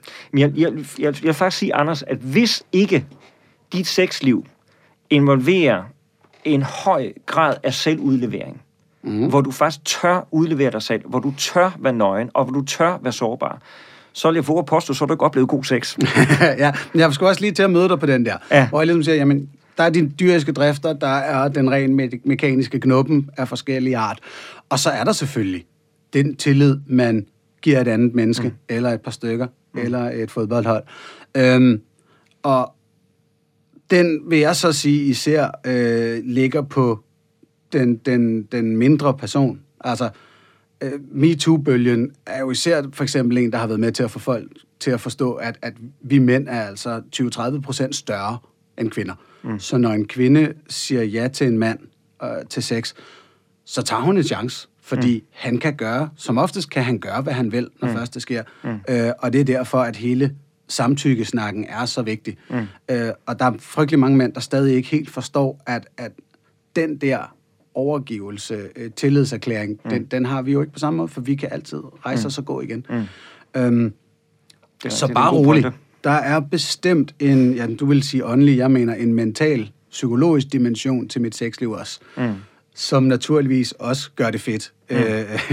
også fordi jeg ganske ofte ligger og tænker, tænk at hun er gået med til det her. Ja. Øh, med, med, en, med en dejlig overscoring. Ja. Øhm, Ja, det er ikke... men, men det er så det. Mm. Vi, og, og egentlig så skulle det bare lige hurtigt være det hele det her principielle omkring, mm. hvorfor i den her tro er det så vigtigt, at sexlivet skal udleves på den ret bestemte måde, I gør det? Jeg kunne godt tænke mig at vende billedet rundt. Øhm, der var engang en øh, dansk bonde, der kom til Australien. Nu tænker du, hvor verden vil du hen med det billede? Men hæng lige på, Men øh, bare roligt, det, det, det er ikke den første lange historie, du har startet på. Der, var, nej, det er rigtigt, der er for det. Men der var en australsk bonde, der kom til Australien, og, øh, og så så han, når de australske bønder, de slap deres køer ud, så havde de ikke nogen hegn. Så de Mhm. mm-hmm. slap bare køerne ud. Og så siger han til de her australske bønder, så siger han så, hvorfor, altså, hvorfor bygger I ikke hegn op omkring jeres køer? Og så kigger de her australske bønder på bunden her, og så siger de så, men her i Australien, der sætter vi ikke hegn rundt om køerne. Der graver vi brønde. Underforstået, køerne bliver, hvor der er vand. Og så behøver du ikke at sætte hegn op omkring, ikke også? Mm. Og det synes jeg, at øh, det er det i hvert fald, som jeg gerne, når vi taler om seksualitet, at jeg, jeg medgiver, at kristendom har en lang, lang historie, desværre, helt siden den der øh, græske dualisme af at sætte hegn op, hvor vi ligesom siger, at du skal gøre sådan, og du må ikke gøre sådan, og hvis du gør sådan, så er du fordømt, eller noget af den stil. Mm-hmm. Jeg vil hellere prøve at tale om seksualiteten ud fra den der brøndtilgang, og sige, prøv at se, det her, det er billedet. Øh, bevæg dig i den her retning. Det vil jeg anbefale, for her er der vand at få, øh, så at sige. Mm-hmm. Så når jeg taler omkring seksualiteten, så vil jeg egentlig sige, at sex er mere end bare krop. Sex, det er dig som er helt menneske. Øh, og, og jeg så prøver så også, som jeg lige lavede med den historie, jeg lavede før, at give overbygning, at, at seksualiteten er, er en del af også af vores åndelighed, hvis man kan sige det sådan. Så, så frem for den der forbudsting, så vil jeg hellere sige til folk, du er ikke skabt til at gå i seng med 20 forskellige mennesker. Troskab og seksualitet hænger sammen, uanset om du er troende eller ikke troende. Så som menneske, så er der, hvor du øh, vil fungere bedst, hvor du vil opleve egentlig den, det, det, det, den største, der, der hvor du oplever en, en harmoni i forhold til, hvordan du er som menneske, det er, hvor troskaben og seksualiteten kan få lov til at følge sig ad. Så jeg ønsker ikke at komme med et forbud, så for eksempel, hvis der er nogen, der som dig går i seng med 10 mennesker, ikke, også, som siger til mig, Michael, hvad synes du, jeg skal gøre? Så vil jeg sige, "Men prøv at få troskab ind. Prøv at finde en. Øh, og prøv det her med at turde og commit dig til et menneske. Fordi det er i bund og grund det, vi længes efter. Finde et menneske. Og hvor- hvorfor er det bund og grund det, vi længes efter? Øh, det er jo så min påstand, kan Ja, man sige. okay? Det er godt. min, med. Ja, det er min påstand, altså, at det er sådan, at vi alle sammen længes efter et menneske, der vil elske os allermest, hvor vi allermindst har gjort, har gjort os fortjent til det, fordi det er der, vi allermest har brug for det. Altså et menneske, der virkelig vil os, øh, og som vil gå med os indtil døden skiller os ad. I bund og grund tror jeg, at det er det, øh, vi mennesker har en længsel efter, og har et brug for, og har et behov ef- efter, øh, kan man sige. Øh, og det er jo ikke alle os, der, der kan, kan finde det, og, og selvfølgelig kan man også finde det i venskaber, og finde det på anden vis, ikke? Okay, så, så hvis jeg forstår dig ret, nu prøver jeg lige at stå Ja. med den her. Yes. Øhm, du vil ikke forbyde nogen, øh, synder, nogen bestemte seksuelle praksiser, men du har en varm anbefaling af, at tosomheden mellem en mand og en kvinde øh, er den bedste måde at udleve det på, fordi det er den måde, Gud gerne vil have os til at gøre det. Vil han tilgive os for ikke at lige følge den vej? Gud er altid klar til at tilgive os mennesker. Okay. Uanset hvad, men, men man kan jo sige, Så, så synd, man, hvis man lige må tage ordet synd, ikke? Begrebet synd, nogle gange så tænker man, hvad er synd for noget, ikke? Øh, synd, det er egentlig bare, det græske ord for synd, hamatia, det betyder egentlig bare at ramme ved siden af. Så synd egentlig beskriver at ramme ved siden af det, som vi er skabt til. mm-hmm. Og du og jeg, vi er skabt til at, øh, at, at få lov til at kunne elske, og kunne ære, og kunne respektere. Vi er kunne skabt til at kunne bære hinanden. Vi er ikke skabt til at sætte vores egne behov, øh, altså være ligeglade med andres behov, og bare følge vores egne. Øh, vi er heller ikke skabt til at skulle ligesom træde på vores egne behov, eller lade andre træde på den. Vi, vi er skabt til at kunne øh, leve med hinanden, tjene med hinanden, vandre sammen med hinanden. Øh, og når vi rammer ved siden af det, mm-hmm. så skader vi os selv og skader andre. Det er synd. Yes. Okay. Og, og alt det, du lige sagde der, det, her, ja. Det er jo så selvfølgelig ud fra forudsætninger af, at, Yes. at din Gud findes i den der udgave. Okay, Ja, altså næsten, jeg næsten. Du kan også argumentere for det her øh, fra et artistisk synsvinkel, men lad det nu ligge. Det Okay. overlader til dig. så, men det vil sige, at altså, den helt klassiske, man står foran Sankt Peter på den, Ja. ja. øh, i symbolsk forståelse, altså, så vil Gud sige, hey, øh, du stak den lige lovligt mange forskellige steder hen, og det ved du godt, jeg ikke synes var, var super kosher, men velkommen alligevel. Og, og, og han vil til gengæld kigge på Michael og tænke, godt spillet der, du kørte den Nej, lige... øh, ja, den- der, nej, så vil jeg ikke sige, det er. Nej. Det, det, det jo handler om, det handler jo, når vi kommer op, øh, det er jo netop ikke vores gerninger, der bringer os til himlen. Altså når jeg, og når vi, når døden indhenter os begge to på et mm. eller andet tidspunkt, også, øh, så er jeg lige så hvis, man- hvis nu nogen kunne opfatte, at jeg var sådan øh, from, og, og lad os nu sige, de så opfattede, at du ikke var det, det påstår jeg ikke, men lad os nu sige, det var sådan, ikke også? Ja. Øh, så, øh, så er jeg lige så i gåseøjne fortabt, som du vil være. Mennesket er fortabt. Øh, mine gerninger, det kan da godt være, at jeg har holdt mig på måtten seksuelt og kun haft sex med min kone, og du så har haft øh, sex med 100 mennesker. Men øh, i, i- helheden, så må jeg jo erkende, at jeg er et fortabt menneske, ligesom alle andre. Mm-hmm. Det eneste, der redder mig og dig, Anders, det er troen på Jesus Kristus.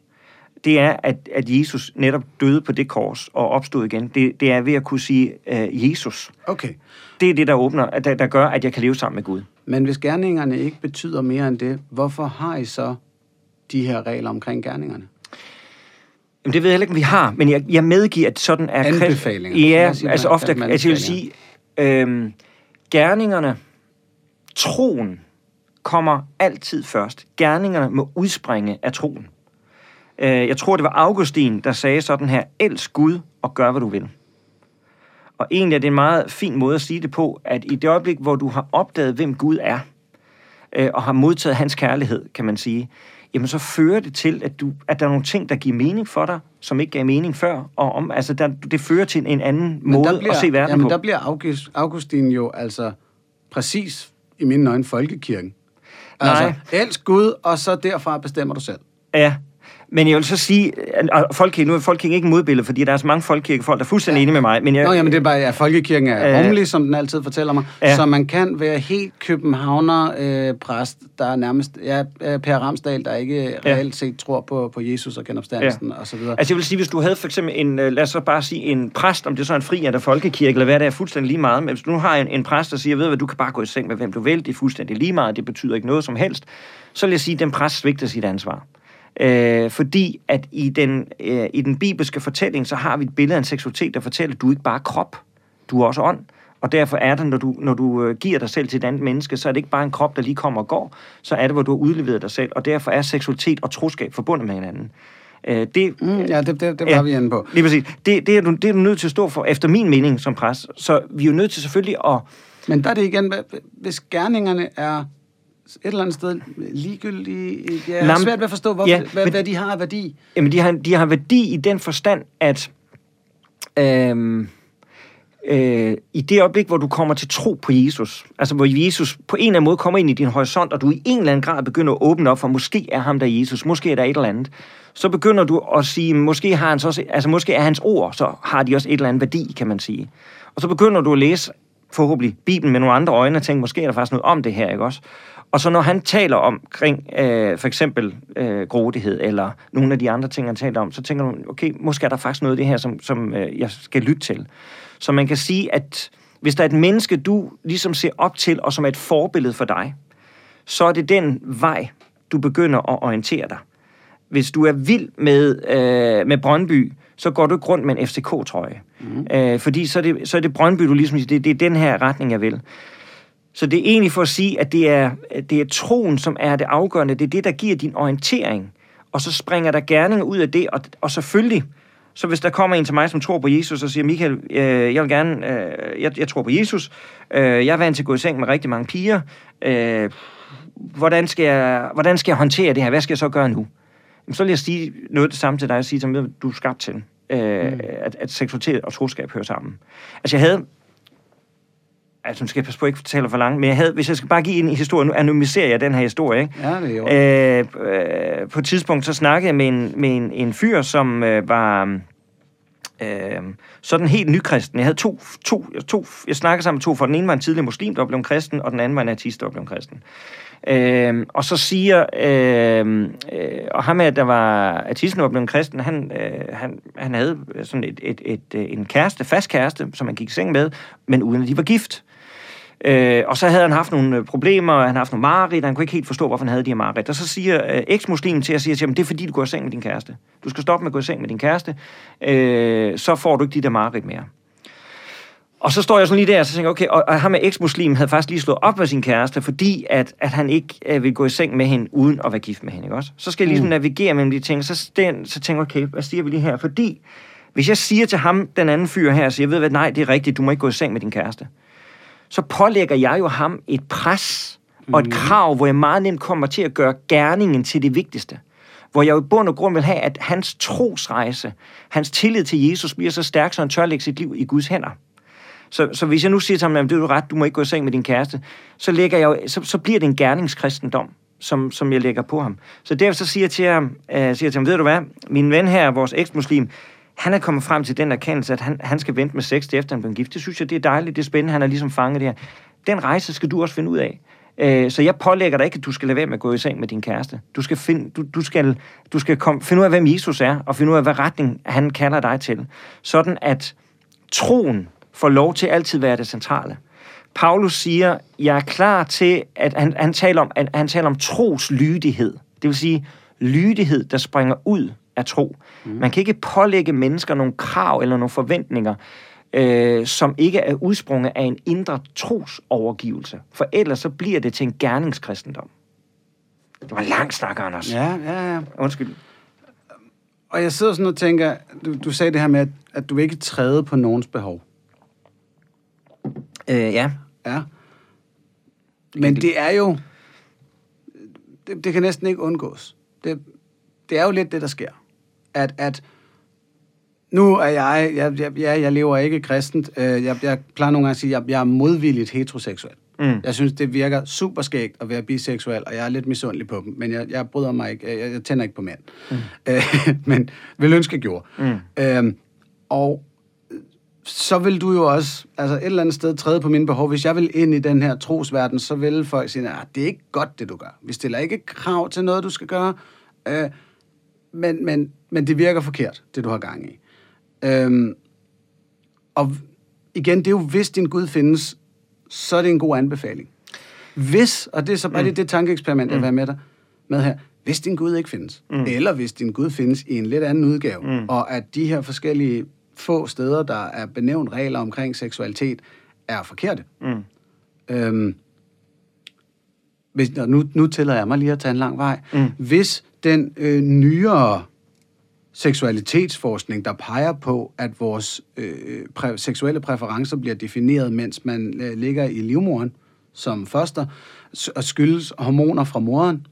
Øh, for eksempel kan det være meget afgørende, om man er øh, en yngre bror, at man har flere ældre brødre, så er der større sandsynlighed for at blive homoseksuel. Øh, børn, der bliver født i øh, krigstid, når, når moren har meget angst osv., øh, kan blive øh, homoseksuel, fordi så ja, man må sige, det, rent evolutionært, så er det en art, der dermed er lidt i krise, mm. og måske ikke skal reproducere sig i så voldsom grad. Ikke? Hvis den forskning viser sig at holde stik, mm. og vi vidderligt har en fuldstændig naturlig forklaring på den her præference, så træder du jo på, på folks behov, på deres drifter. Nej, det vil, det, vil, det vil jeg simpelthen ikke sætte på mig, at jeg træder på folks behov, Anders, fordi med, for det første, så, for det første, så, så skal vi kunne være uenige, uden at man bliver skudt i skoene, når man træder på andre. Altså i vores identitets Okay, men det er fordi, du sagde det der. Altså fordi jeg, jeg træder jo på nogle menneskers behov. Det vil jeg gerne medgive. At, at, at behovet for at tro er noget, hvor jeg går ind og siger, det, det er et tillært behov, det har I ikke brug for. Øh, ja. Øh, så der er jo med på, at, og jeg ved ikke, om det er den her begreb træde på behov, det var bare lige, at jeg skrev det ned, fordi du sagde det, ja. øh, at, at man går jo ind og siger, hey, I tager fejl omkring noget, og det gør lidt ondt at gå ind og sige, I tager fejl.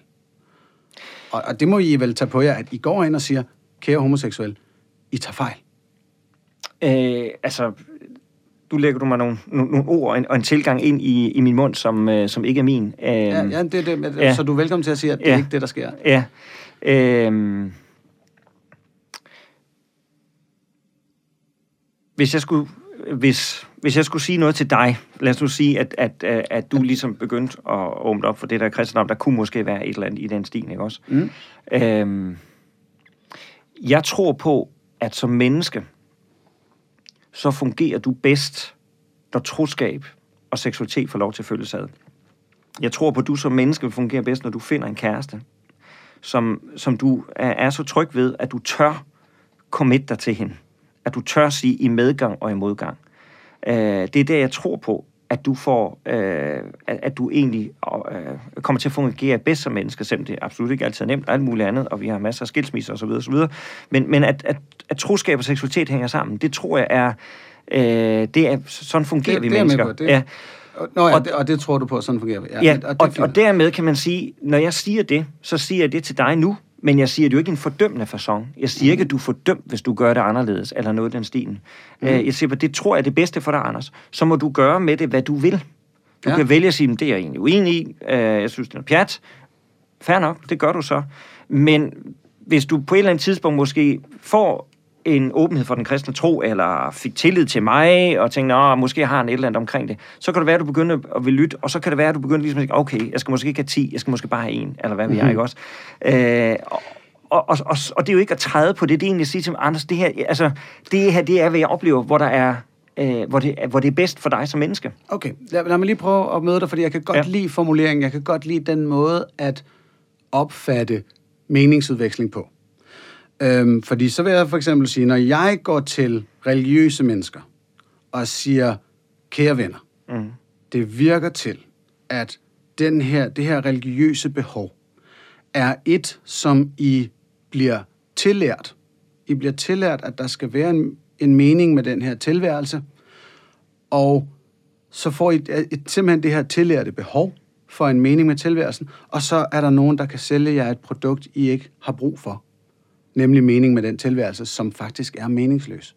Og ligesom sige, jeg synes, I skal overveje, om tilværelsen kunne være meningsløs, og mm. hvad det faktisk giver af glæde i livet. Mm. Øh, fordi det er lidt paradoxalt for mm. mange, der, der virkelig er trænet til at tænke, mm. der skal være en hensigt. Ikke? Mm. Øhm, at så er det også bare mig, der, mm. der prøver at komme med et budskab, ja. som de kan vælge at tage til sig. Fuldstændig rigtigt. Det er jeg glad for, mm. fordi der er rigtig mange, der opfatter den måde, vi er ateister kommer med vores budskab på, mm. som om, at vi træder mm. på nogen. Mm.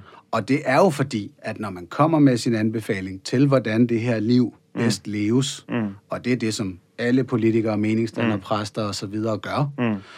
at så går man jo indirekte ind og siger, andre tager fejl. Mm.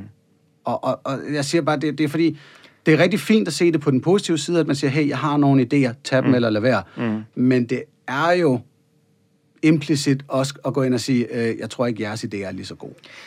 Ja, og, og det er jo helt fair at sige det, men jeg, øh, det er ikke noget problem i at sige, at jeg, jeg tror ikke, at jeres idéer er lige så gode, fordi ellers, altså hvor var vi så henne? Præcis. Altså, så det er, og, helt og det er derfor, du, du er velkommen til bare at sige, jamen det der er et vildskud, kære ja. ateister, I tager fejl. Ja, men jeg vil sige, det er jo sådan måden, vi gør det på, ikke? Mm. Og, og det er jo ofte det, der er problem, og der er jeg jo udmærket godt klar over, at som kristen, så har vi jo en øh, ikke specielt god track record i forhold til at, at og lade være med at, at, at gøre det til noget, man slår folk oven i hovedet med. Ja, og der kan jeg da lige, øh, på, hvis vi sidder og kaster ja. fredstuer hen over bordet ja. øh, på, på vegne af Stalin og Pol Pot og et par andre, så er der også blevet påtvunget ateisme ja. på nogle unfair måder. Ja. Bevares. Ja, ja. Og, og, og, dem, og så det erkender jeg blankt, øh, at det er rigtigt. Så, så det er jo, øh, og, og der kunne jeg jo rigtig godt tænke mig, øh, altså når vi for eksempel taler omkring homoseksualitet, at jeg kunne da rigtig, rigtig godt tænke mig, at, øh, at vi kunne få en anden samtale en anden måde at gå til det her på, og jeg har jeg har sagt til dig før det her program, at jeg ikke lige vil få mig ind på det, men og jeg har lovet dig på et undskyld, senere... Undskyld, at vi lige pludselig har brugt Jamen, det, 40 minutter ja, på det. Det, ikke det kan jeg lige fortælle lytterne. Vi, vi troede faktisk, vi skulle en anden vej, Michael og jeg, men det sker i den her podcast, at lige pludselig så har vi så har vi ramt noget, og jeg synes faktisk, vi har ramt det ret godt. Ja, det synes jeg. Så nu kører jeg vi synes, bare det, på. Ja, jeg synes, det er en god snak. Jeg synes, det er absolut en god snak. Øh, men jeg, jeg kunne helt klart ønske, at, at, øh, at vi kunne få en anden form for samtale. Mm. Og, og som jeg har sagt til dig før, så vil jeg gerne lave en podcast med dig på et senere tidspunkt, fordi det er en, det er en proces i forhold til, at jeg sidder og arbejder med og, har en dialog og siger, hvordan, hvordan kan vi hvordan kan vi få skabt en anden mulighed for samtale imellem øh, for eksempel øh, øh, altså, øh, kristne kirker, og når jeg siger kristne kirke, det er forkert sagt, øh, imellem øh, der, hvor øh, homoseksualitet har været problematiseret, og homoseksuelle. Altså, hvordan kan vi på en anden måde møde hinanden, i stedet for det bliver i sådan en konfrontation, fordi det er trist og ja. tragisk og ødelæggende. Og, og der er det så, øhm, og, og det vil jeg glæde mig til, jeg synes, vi skal lave en toer på den her, mm.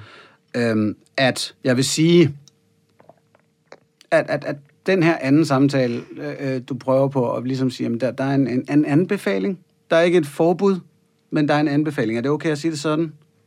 Du anbefaler ja. at tage øh, troskaben ind i sexlivet som ja. du har sagt et par gange. Ja, og, og jeg vil så og, sige, og det ypperste udtryk for det er ægteskabet, ikke også, hvis yes, man skal yes. den sådan videre. Ikke? Men det er ja. ligesom for at sige, at et hvert budskab af den her art, mm. som er et kulturelt budskab, mm. kan ikke være entydigt positivt, mm. eller sågar entydigt mm. negativt. Mm. Øh, så, så, så det er egentlig, det bliver bare til en anden retorik, Øhm, så der skal stadigvæk et lag dybere ind i forklaringen af, hvad det er, I, I, I vil med, mm. med de her seksualitetsnormer, mm. som I anbefaler os. Det er lidt ligesom på samme måde, som når, når vi ateister går ud og siger, øh, hey, religioner, det, det virker ikke nødvendigt. Mm.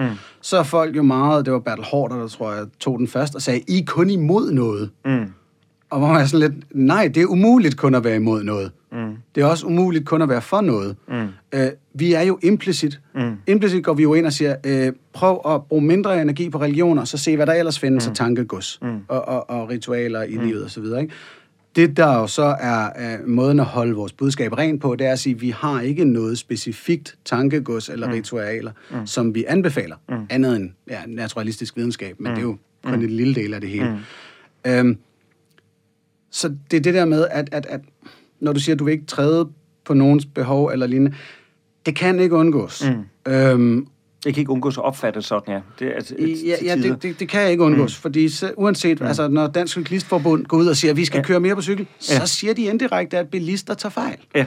Så, så når vi skal have den her samtale mm. igen, så håber jeg på, at vi, vi kan komme dybere end blot den, den flinkere retorik. Ja, men jeg, jeg, og jeg vil gerne give dig lidt, Anders. Altså, han har sagt ikke, fordi at, mm. at øh, øh, jeg, jeg, jeg synes, at det er...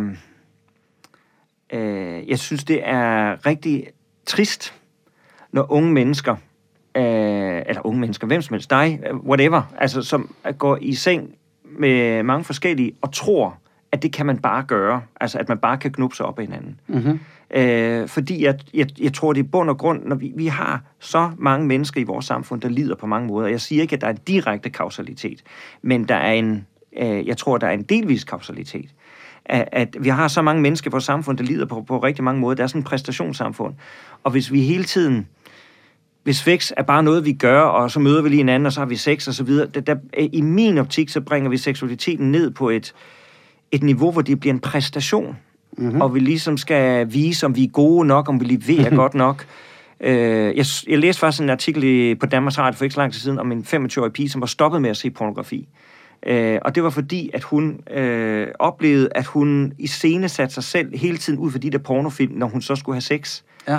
I stedet for egentlig at anerkende, hvem hun var. At hun ikke bare var sådan en villig subjekt, der ligesom bare skulle gøre, at ham der manden synes det var fedt og sjovt, ikke? og hun skulle stønne på de rigtige tidspunkter. Ja. Hun erkendte et eller andet sted, at den form for sex, som hun gerne ville have, det var faktisk en, en, en sex, hvor, altså, hvor der var tid, og hvor der var rum, og hvor hun følte sig set, hvor hun følte sig mødt, og hendes behov blev mødt. Ikke? Og jeg sagde jo bare amen, da jeg læste det. Ja. Øh, hun går så stadig i seng med flere følge artiklen, ikke også? Så tænker jeg, nej, det, det er et skridt Nå, i den rigtige altså, retning. Ja, ja, altså det er, jo, det er jo ligesom at sige, du skal ikke hoppe ud på kløvermarken, og så prøve at efterligne Premier League-spillernes teknik. Øh, de professionelle underholdere af fodbold, dit fodboldspil er et andet. Jo, men jeg, jeg, jeg synes, det er værre end det. Altså, det, jeg synes ikke, det billede er stærkt nok, fordi Okay. jeg vil sige, jeg mener sådan set, at pornografien er ødelæggende for vores sexliv. Øh, og, og, og jeg er glad for, at hun er nået frem til en konklusion og sige, at jeg er nødt til at droppe. Og, se, hun har fået meget bedre sexliv, skriver hun så i den her artikel på Danmarks Radio, ikke? In- interviewet. Ikke? Hun har fået meget bedre sexliv, efter hun har droppet sig alle de her pornofilm. Fordi at de repræsenterer et så ensidigt, snævert billede, kan man sige. Åh, oh, nu, er, Ja. nu er jeg nødt til at forsvare pornobranchen. Jamen, du, du Det er- læser artiklen, altså- altså, og så øh, så interview hende næste gang. Han Hvis er jeg lynhurtigt gætter, så har jeg også Ja. set den kende mere, end du har. Altså, det- det det, det, er på, det er på ingen måde ensidigt. Nej, det er som Øh, muligt. branchen har mange grene. Ja. Imponerende mange, faktisk. Altså, forestil dig en form for porno, og du kan nok google dig frem til den. Ja. Øh, nå, men så men, tilbage men, til men i hvert fald, øh, min, min pointe i den her, det er, at øh, jeg synes, det som det billede, hun gengiver, og det billede, jeg så også hører andre gengive omkring pornografi, for eksempel, hvor det bliver meget øh, fokuseret på en, en meget snæver øh, udtryk.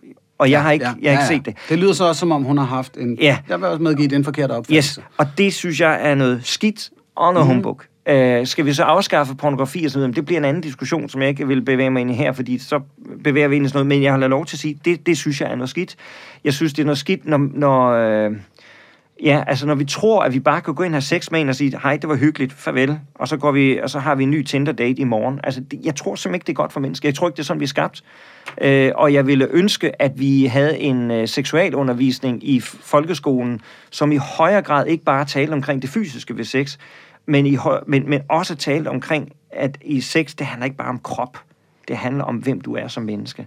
Øh, og at øh, det med at være afholdende og det at være ventende, det er faktisk en rigtig øh, smuk ting, uanset uh. om du er Uh. kristen eller ej. Okay, ja, det, det, det vil jeg bekæmpe i den grad, ved at det skulle blive en del af Jamen, det. hvorfor men, det? Men, Hvorfor det, Anders? Ikke, ja, afholdenhed, den får I ikke lov til øh, Jamen, at hvad nu, hvad nu hvis videnskaben kommer frem til at sige, øh, du har faktisk du har en bedre psykisk helbred, hvis du lever et sexliv, hvor du har troskab med. Vil du så kæmpe for det? Ja, Super.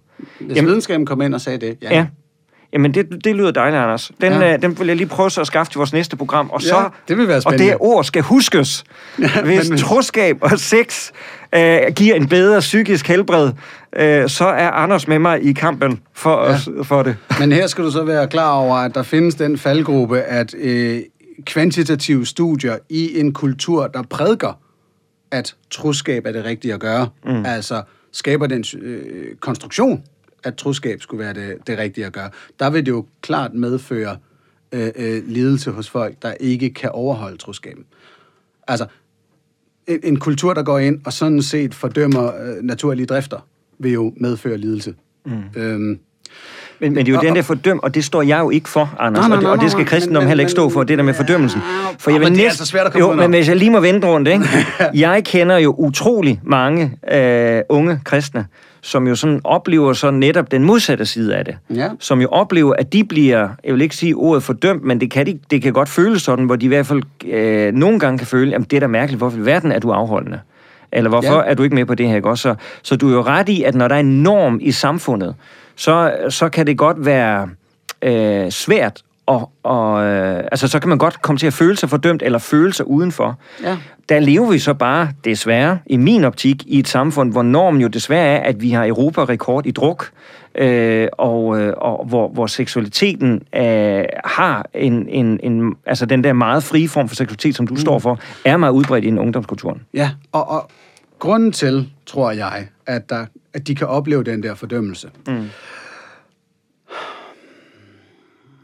det er jo så fordi, at de er også i en præstationskultur. Hvor præstationen, den gode præstation, er noget andet end at have et udsvævende sexliv eller stønne på den rigtige måde.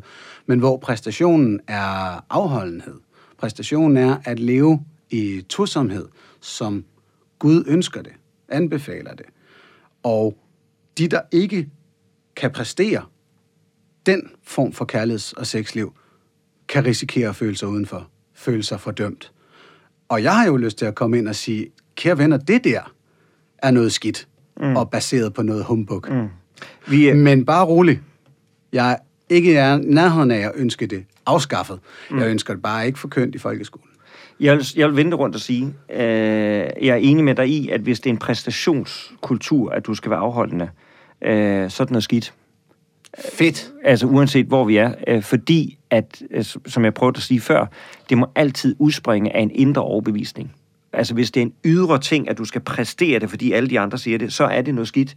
Det er nødt til udspringe af et indre tro og en indre liv. Så hvis man er et ungt menneske i en af jeres menigheder, så synes du faktisk, at man skal påkalde sig en personlig teologisk autoritet over sit sexliv og kærlighedsliv øh, hvis man er et ungt menneske i vores sammen, øh, hvis man er et ungt menneske, whatever, så vil jeg til enhver til at sige, øh, at, øh, at troen på Jesus er det centrale. Og det at øh, have livet, at have ham på en eller anden måde som et fyrtårn i dit liv, eller et pejlingsmærke i din horisont, det er det vigtigste, du kan have. Og det giver så implikationer på en række områder, også omkring dit seksualitetsliv, og alle mulige andre ting. Så fordi det på en eller anden måde hjælper dig til at se, okay, hvis det er et pejlemærke, hmm, jamen, så giver det bedre mening at tænke sådan og sådan. Så jeg er ikke... Jeg kan ikke finde ud af, at dodgede du lige mit spørgsmål der. Jeg vendte lidt rundt, fordi øh, øh, jeg, jeg giver ikke sådan et carte blanche i forhold til at sige, du kan bare gøre, hvad du vil, det er fuldstændig ligegyldigt, hvad du gør. Fordi selvfølgelig er det ikke ligegyldigt, hvad du gør. Men det er den indre motiv, der er det væsentlige. Altså det, jeg Ja. vil væk fra, det er det der ydre hegns tænkning, kan man sige. Jeg vil ind, ind i, at, at det, er, det er troen i dit hjerte, som var det, som driver. Og selvfølgelig er det ikke, selvom du har troen i hjertet, så er det jo ikke, altså når Augustin siger det der, elsk Gud og gør, hvad du vil, så er det jo fordi, at der ligger en tillid i den kristne tro til, at når du faktisk elsker Gud, og du, så, så påvirker det hele din måde at leve så, dit liv på. retledes din samvittighed. Ja, altså så påvirkes din samvittighed. Så, så ser du verden på en anden Godt. måde. Du får et ansat verdensbriller på, så at sige, ikke også? Ja. Øh, som, som gør det. Og det er det, der er det centrale i Så du behøver ikke at lytte til en bestemt forkynder. Du skal tro, eller du skal forsøge at tro, og så forhåbentlig få en samvittighed, som du kan stole på at lytte til. Ja, forsøg at tro kan jeg ikke lide, fordi så Nå, gør du forsøg at tro til noget Jamen, personligt. det var fordi, jeg kom til at sige, at du skal tro, Ja. og det skal heller ikke være ja. et påbud på den Troen måde. er en gave, som du kan tage Ja. imod, ikke også? Tag imod den her Tag imod trosgave, troens og så vil du kunne stole på din egen samvittighed og kunne navigere i dit sex- og Jo, kærlighedsliv men, men, men ikke bare dig selv, altså, fordi der er kristen, kristendommen er jo ikke sådan øh, super individualistisk som vores tid, jo vel? Altså kristendommen, der er du jo forbundet ind i et fællesskab. Du er forbundet med andre mennesker, du er forbundet med en tradition og en historie, så selvfølgelig er det ikke bare mig. Øh, I kristendommen, der opdager jeg jo netop, at jeg har brug for andre mennesker. Så jeg lytter jo til andre mennesker. Jeg læser min bibel. Jeg lytter til, hvad en forkynder har sagt. Der, øh, så på den måde, så, er det, så, så lader jeg mig påvirke og inspirere på forskellige vis. Ja, ja, men, men i sidste ende har man selv den personlige teologiske autoritet. I sidste ende, så, er det, øh, så skal du handle ud af tro. Altså, Paulus går faktisk så langt i Romerbrevet, at han siger, at alt, hvad der ikke gøres ud af tro, er synd. Det er faktisk meget at gå meget langt, kan man sige, ikke? og der sætter han det Okay, først på en, på, en, ja. på en spids. Så, så, hvis, så hvis man egentlig sidder derhjemme, og vælger at blive afholden og monogam blot fordi omgivelserne vil have det, og ikke fordi det er ens egen tro, så er man ude i at synde i Paulus' øjne? Ja, al- altså på en måde faktisk. Altså nu skal man lige okay. selvfølgelig tage en kontekst, men der er en, der er en point i det, altså hvor Paulus siger, det, det, er, det er så afgørende i, mm. i den kristne tro, at det er det, der driver dig. Fedt. Michael, jeg vil glæde mig sådan til at tage den her op igen. Er vi allerede færdige? Ja, det, jeg tror nu, vi er nødt til at stoppe, Ej, min mund jeg synes helt bare, det er så tør, og godt. Ja. øh, og, og, og jeg vil jo sige sådan her, jamen, hvis der sidder nogle, nogle unge mennesker derude, som, som har lyttet til det her, hvis der er nogen som helst forvirring, så vil jeg elske at få øh, en mail eller en besked på Facebook, og det tror jeg også, du vil. Ja, meget, Fordi meget gerne. I, i det her arbejde, som du, du vil ja. Ja. gerne skrive videre og, og prøve at forstå, hvordan vi, vi tager den her debat mm. om seksualiteten. Øh, så, så tusind tak for den her gang, mm, og kære venner, hvis I lytter til det her spørgsmål, så skriv til os begge, eller den, I tænker er relevant. Og så regner vi med på et eller andet tidspunkt i fremtiden, at vi laver del 2. Det gør vi. Helt sikkert. Tak, Anders.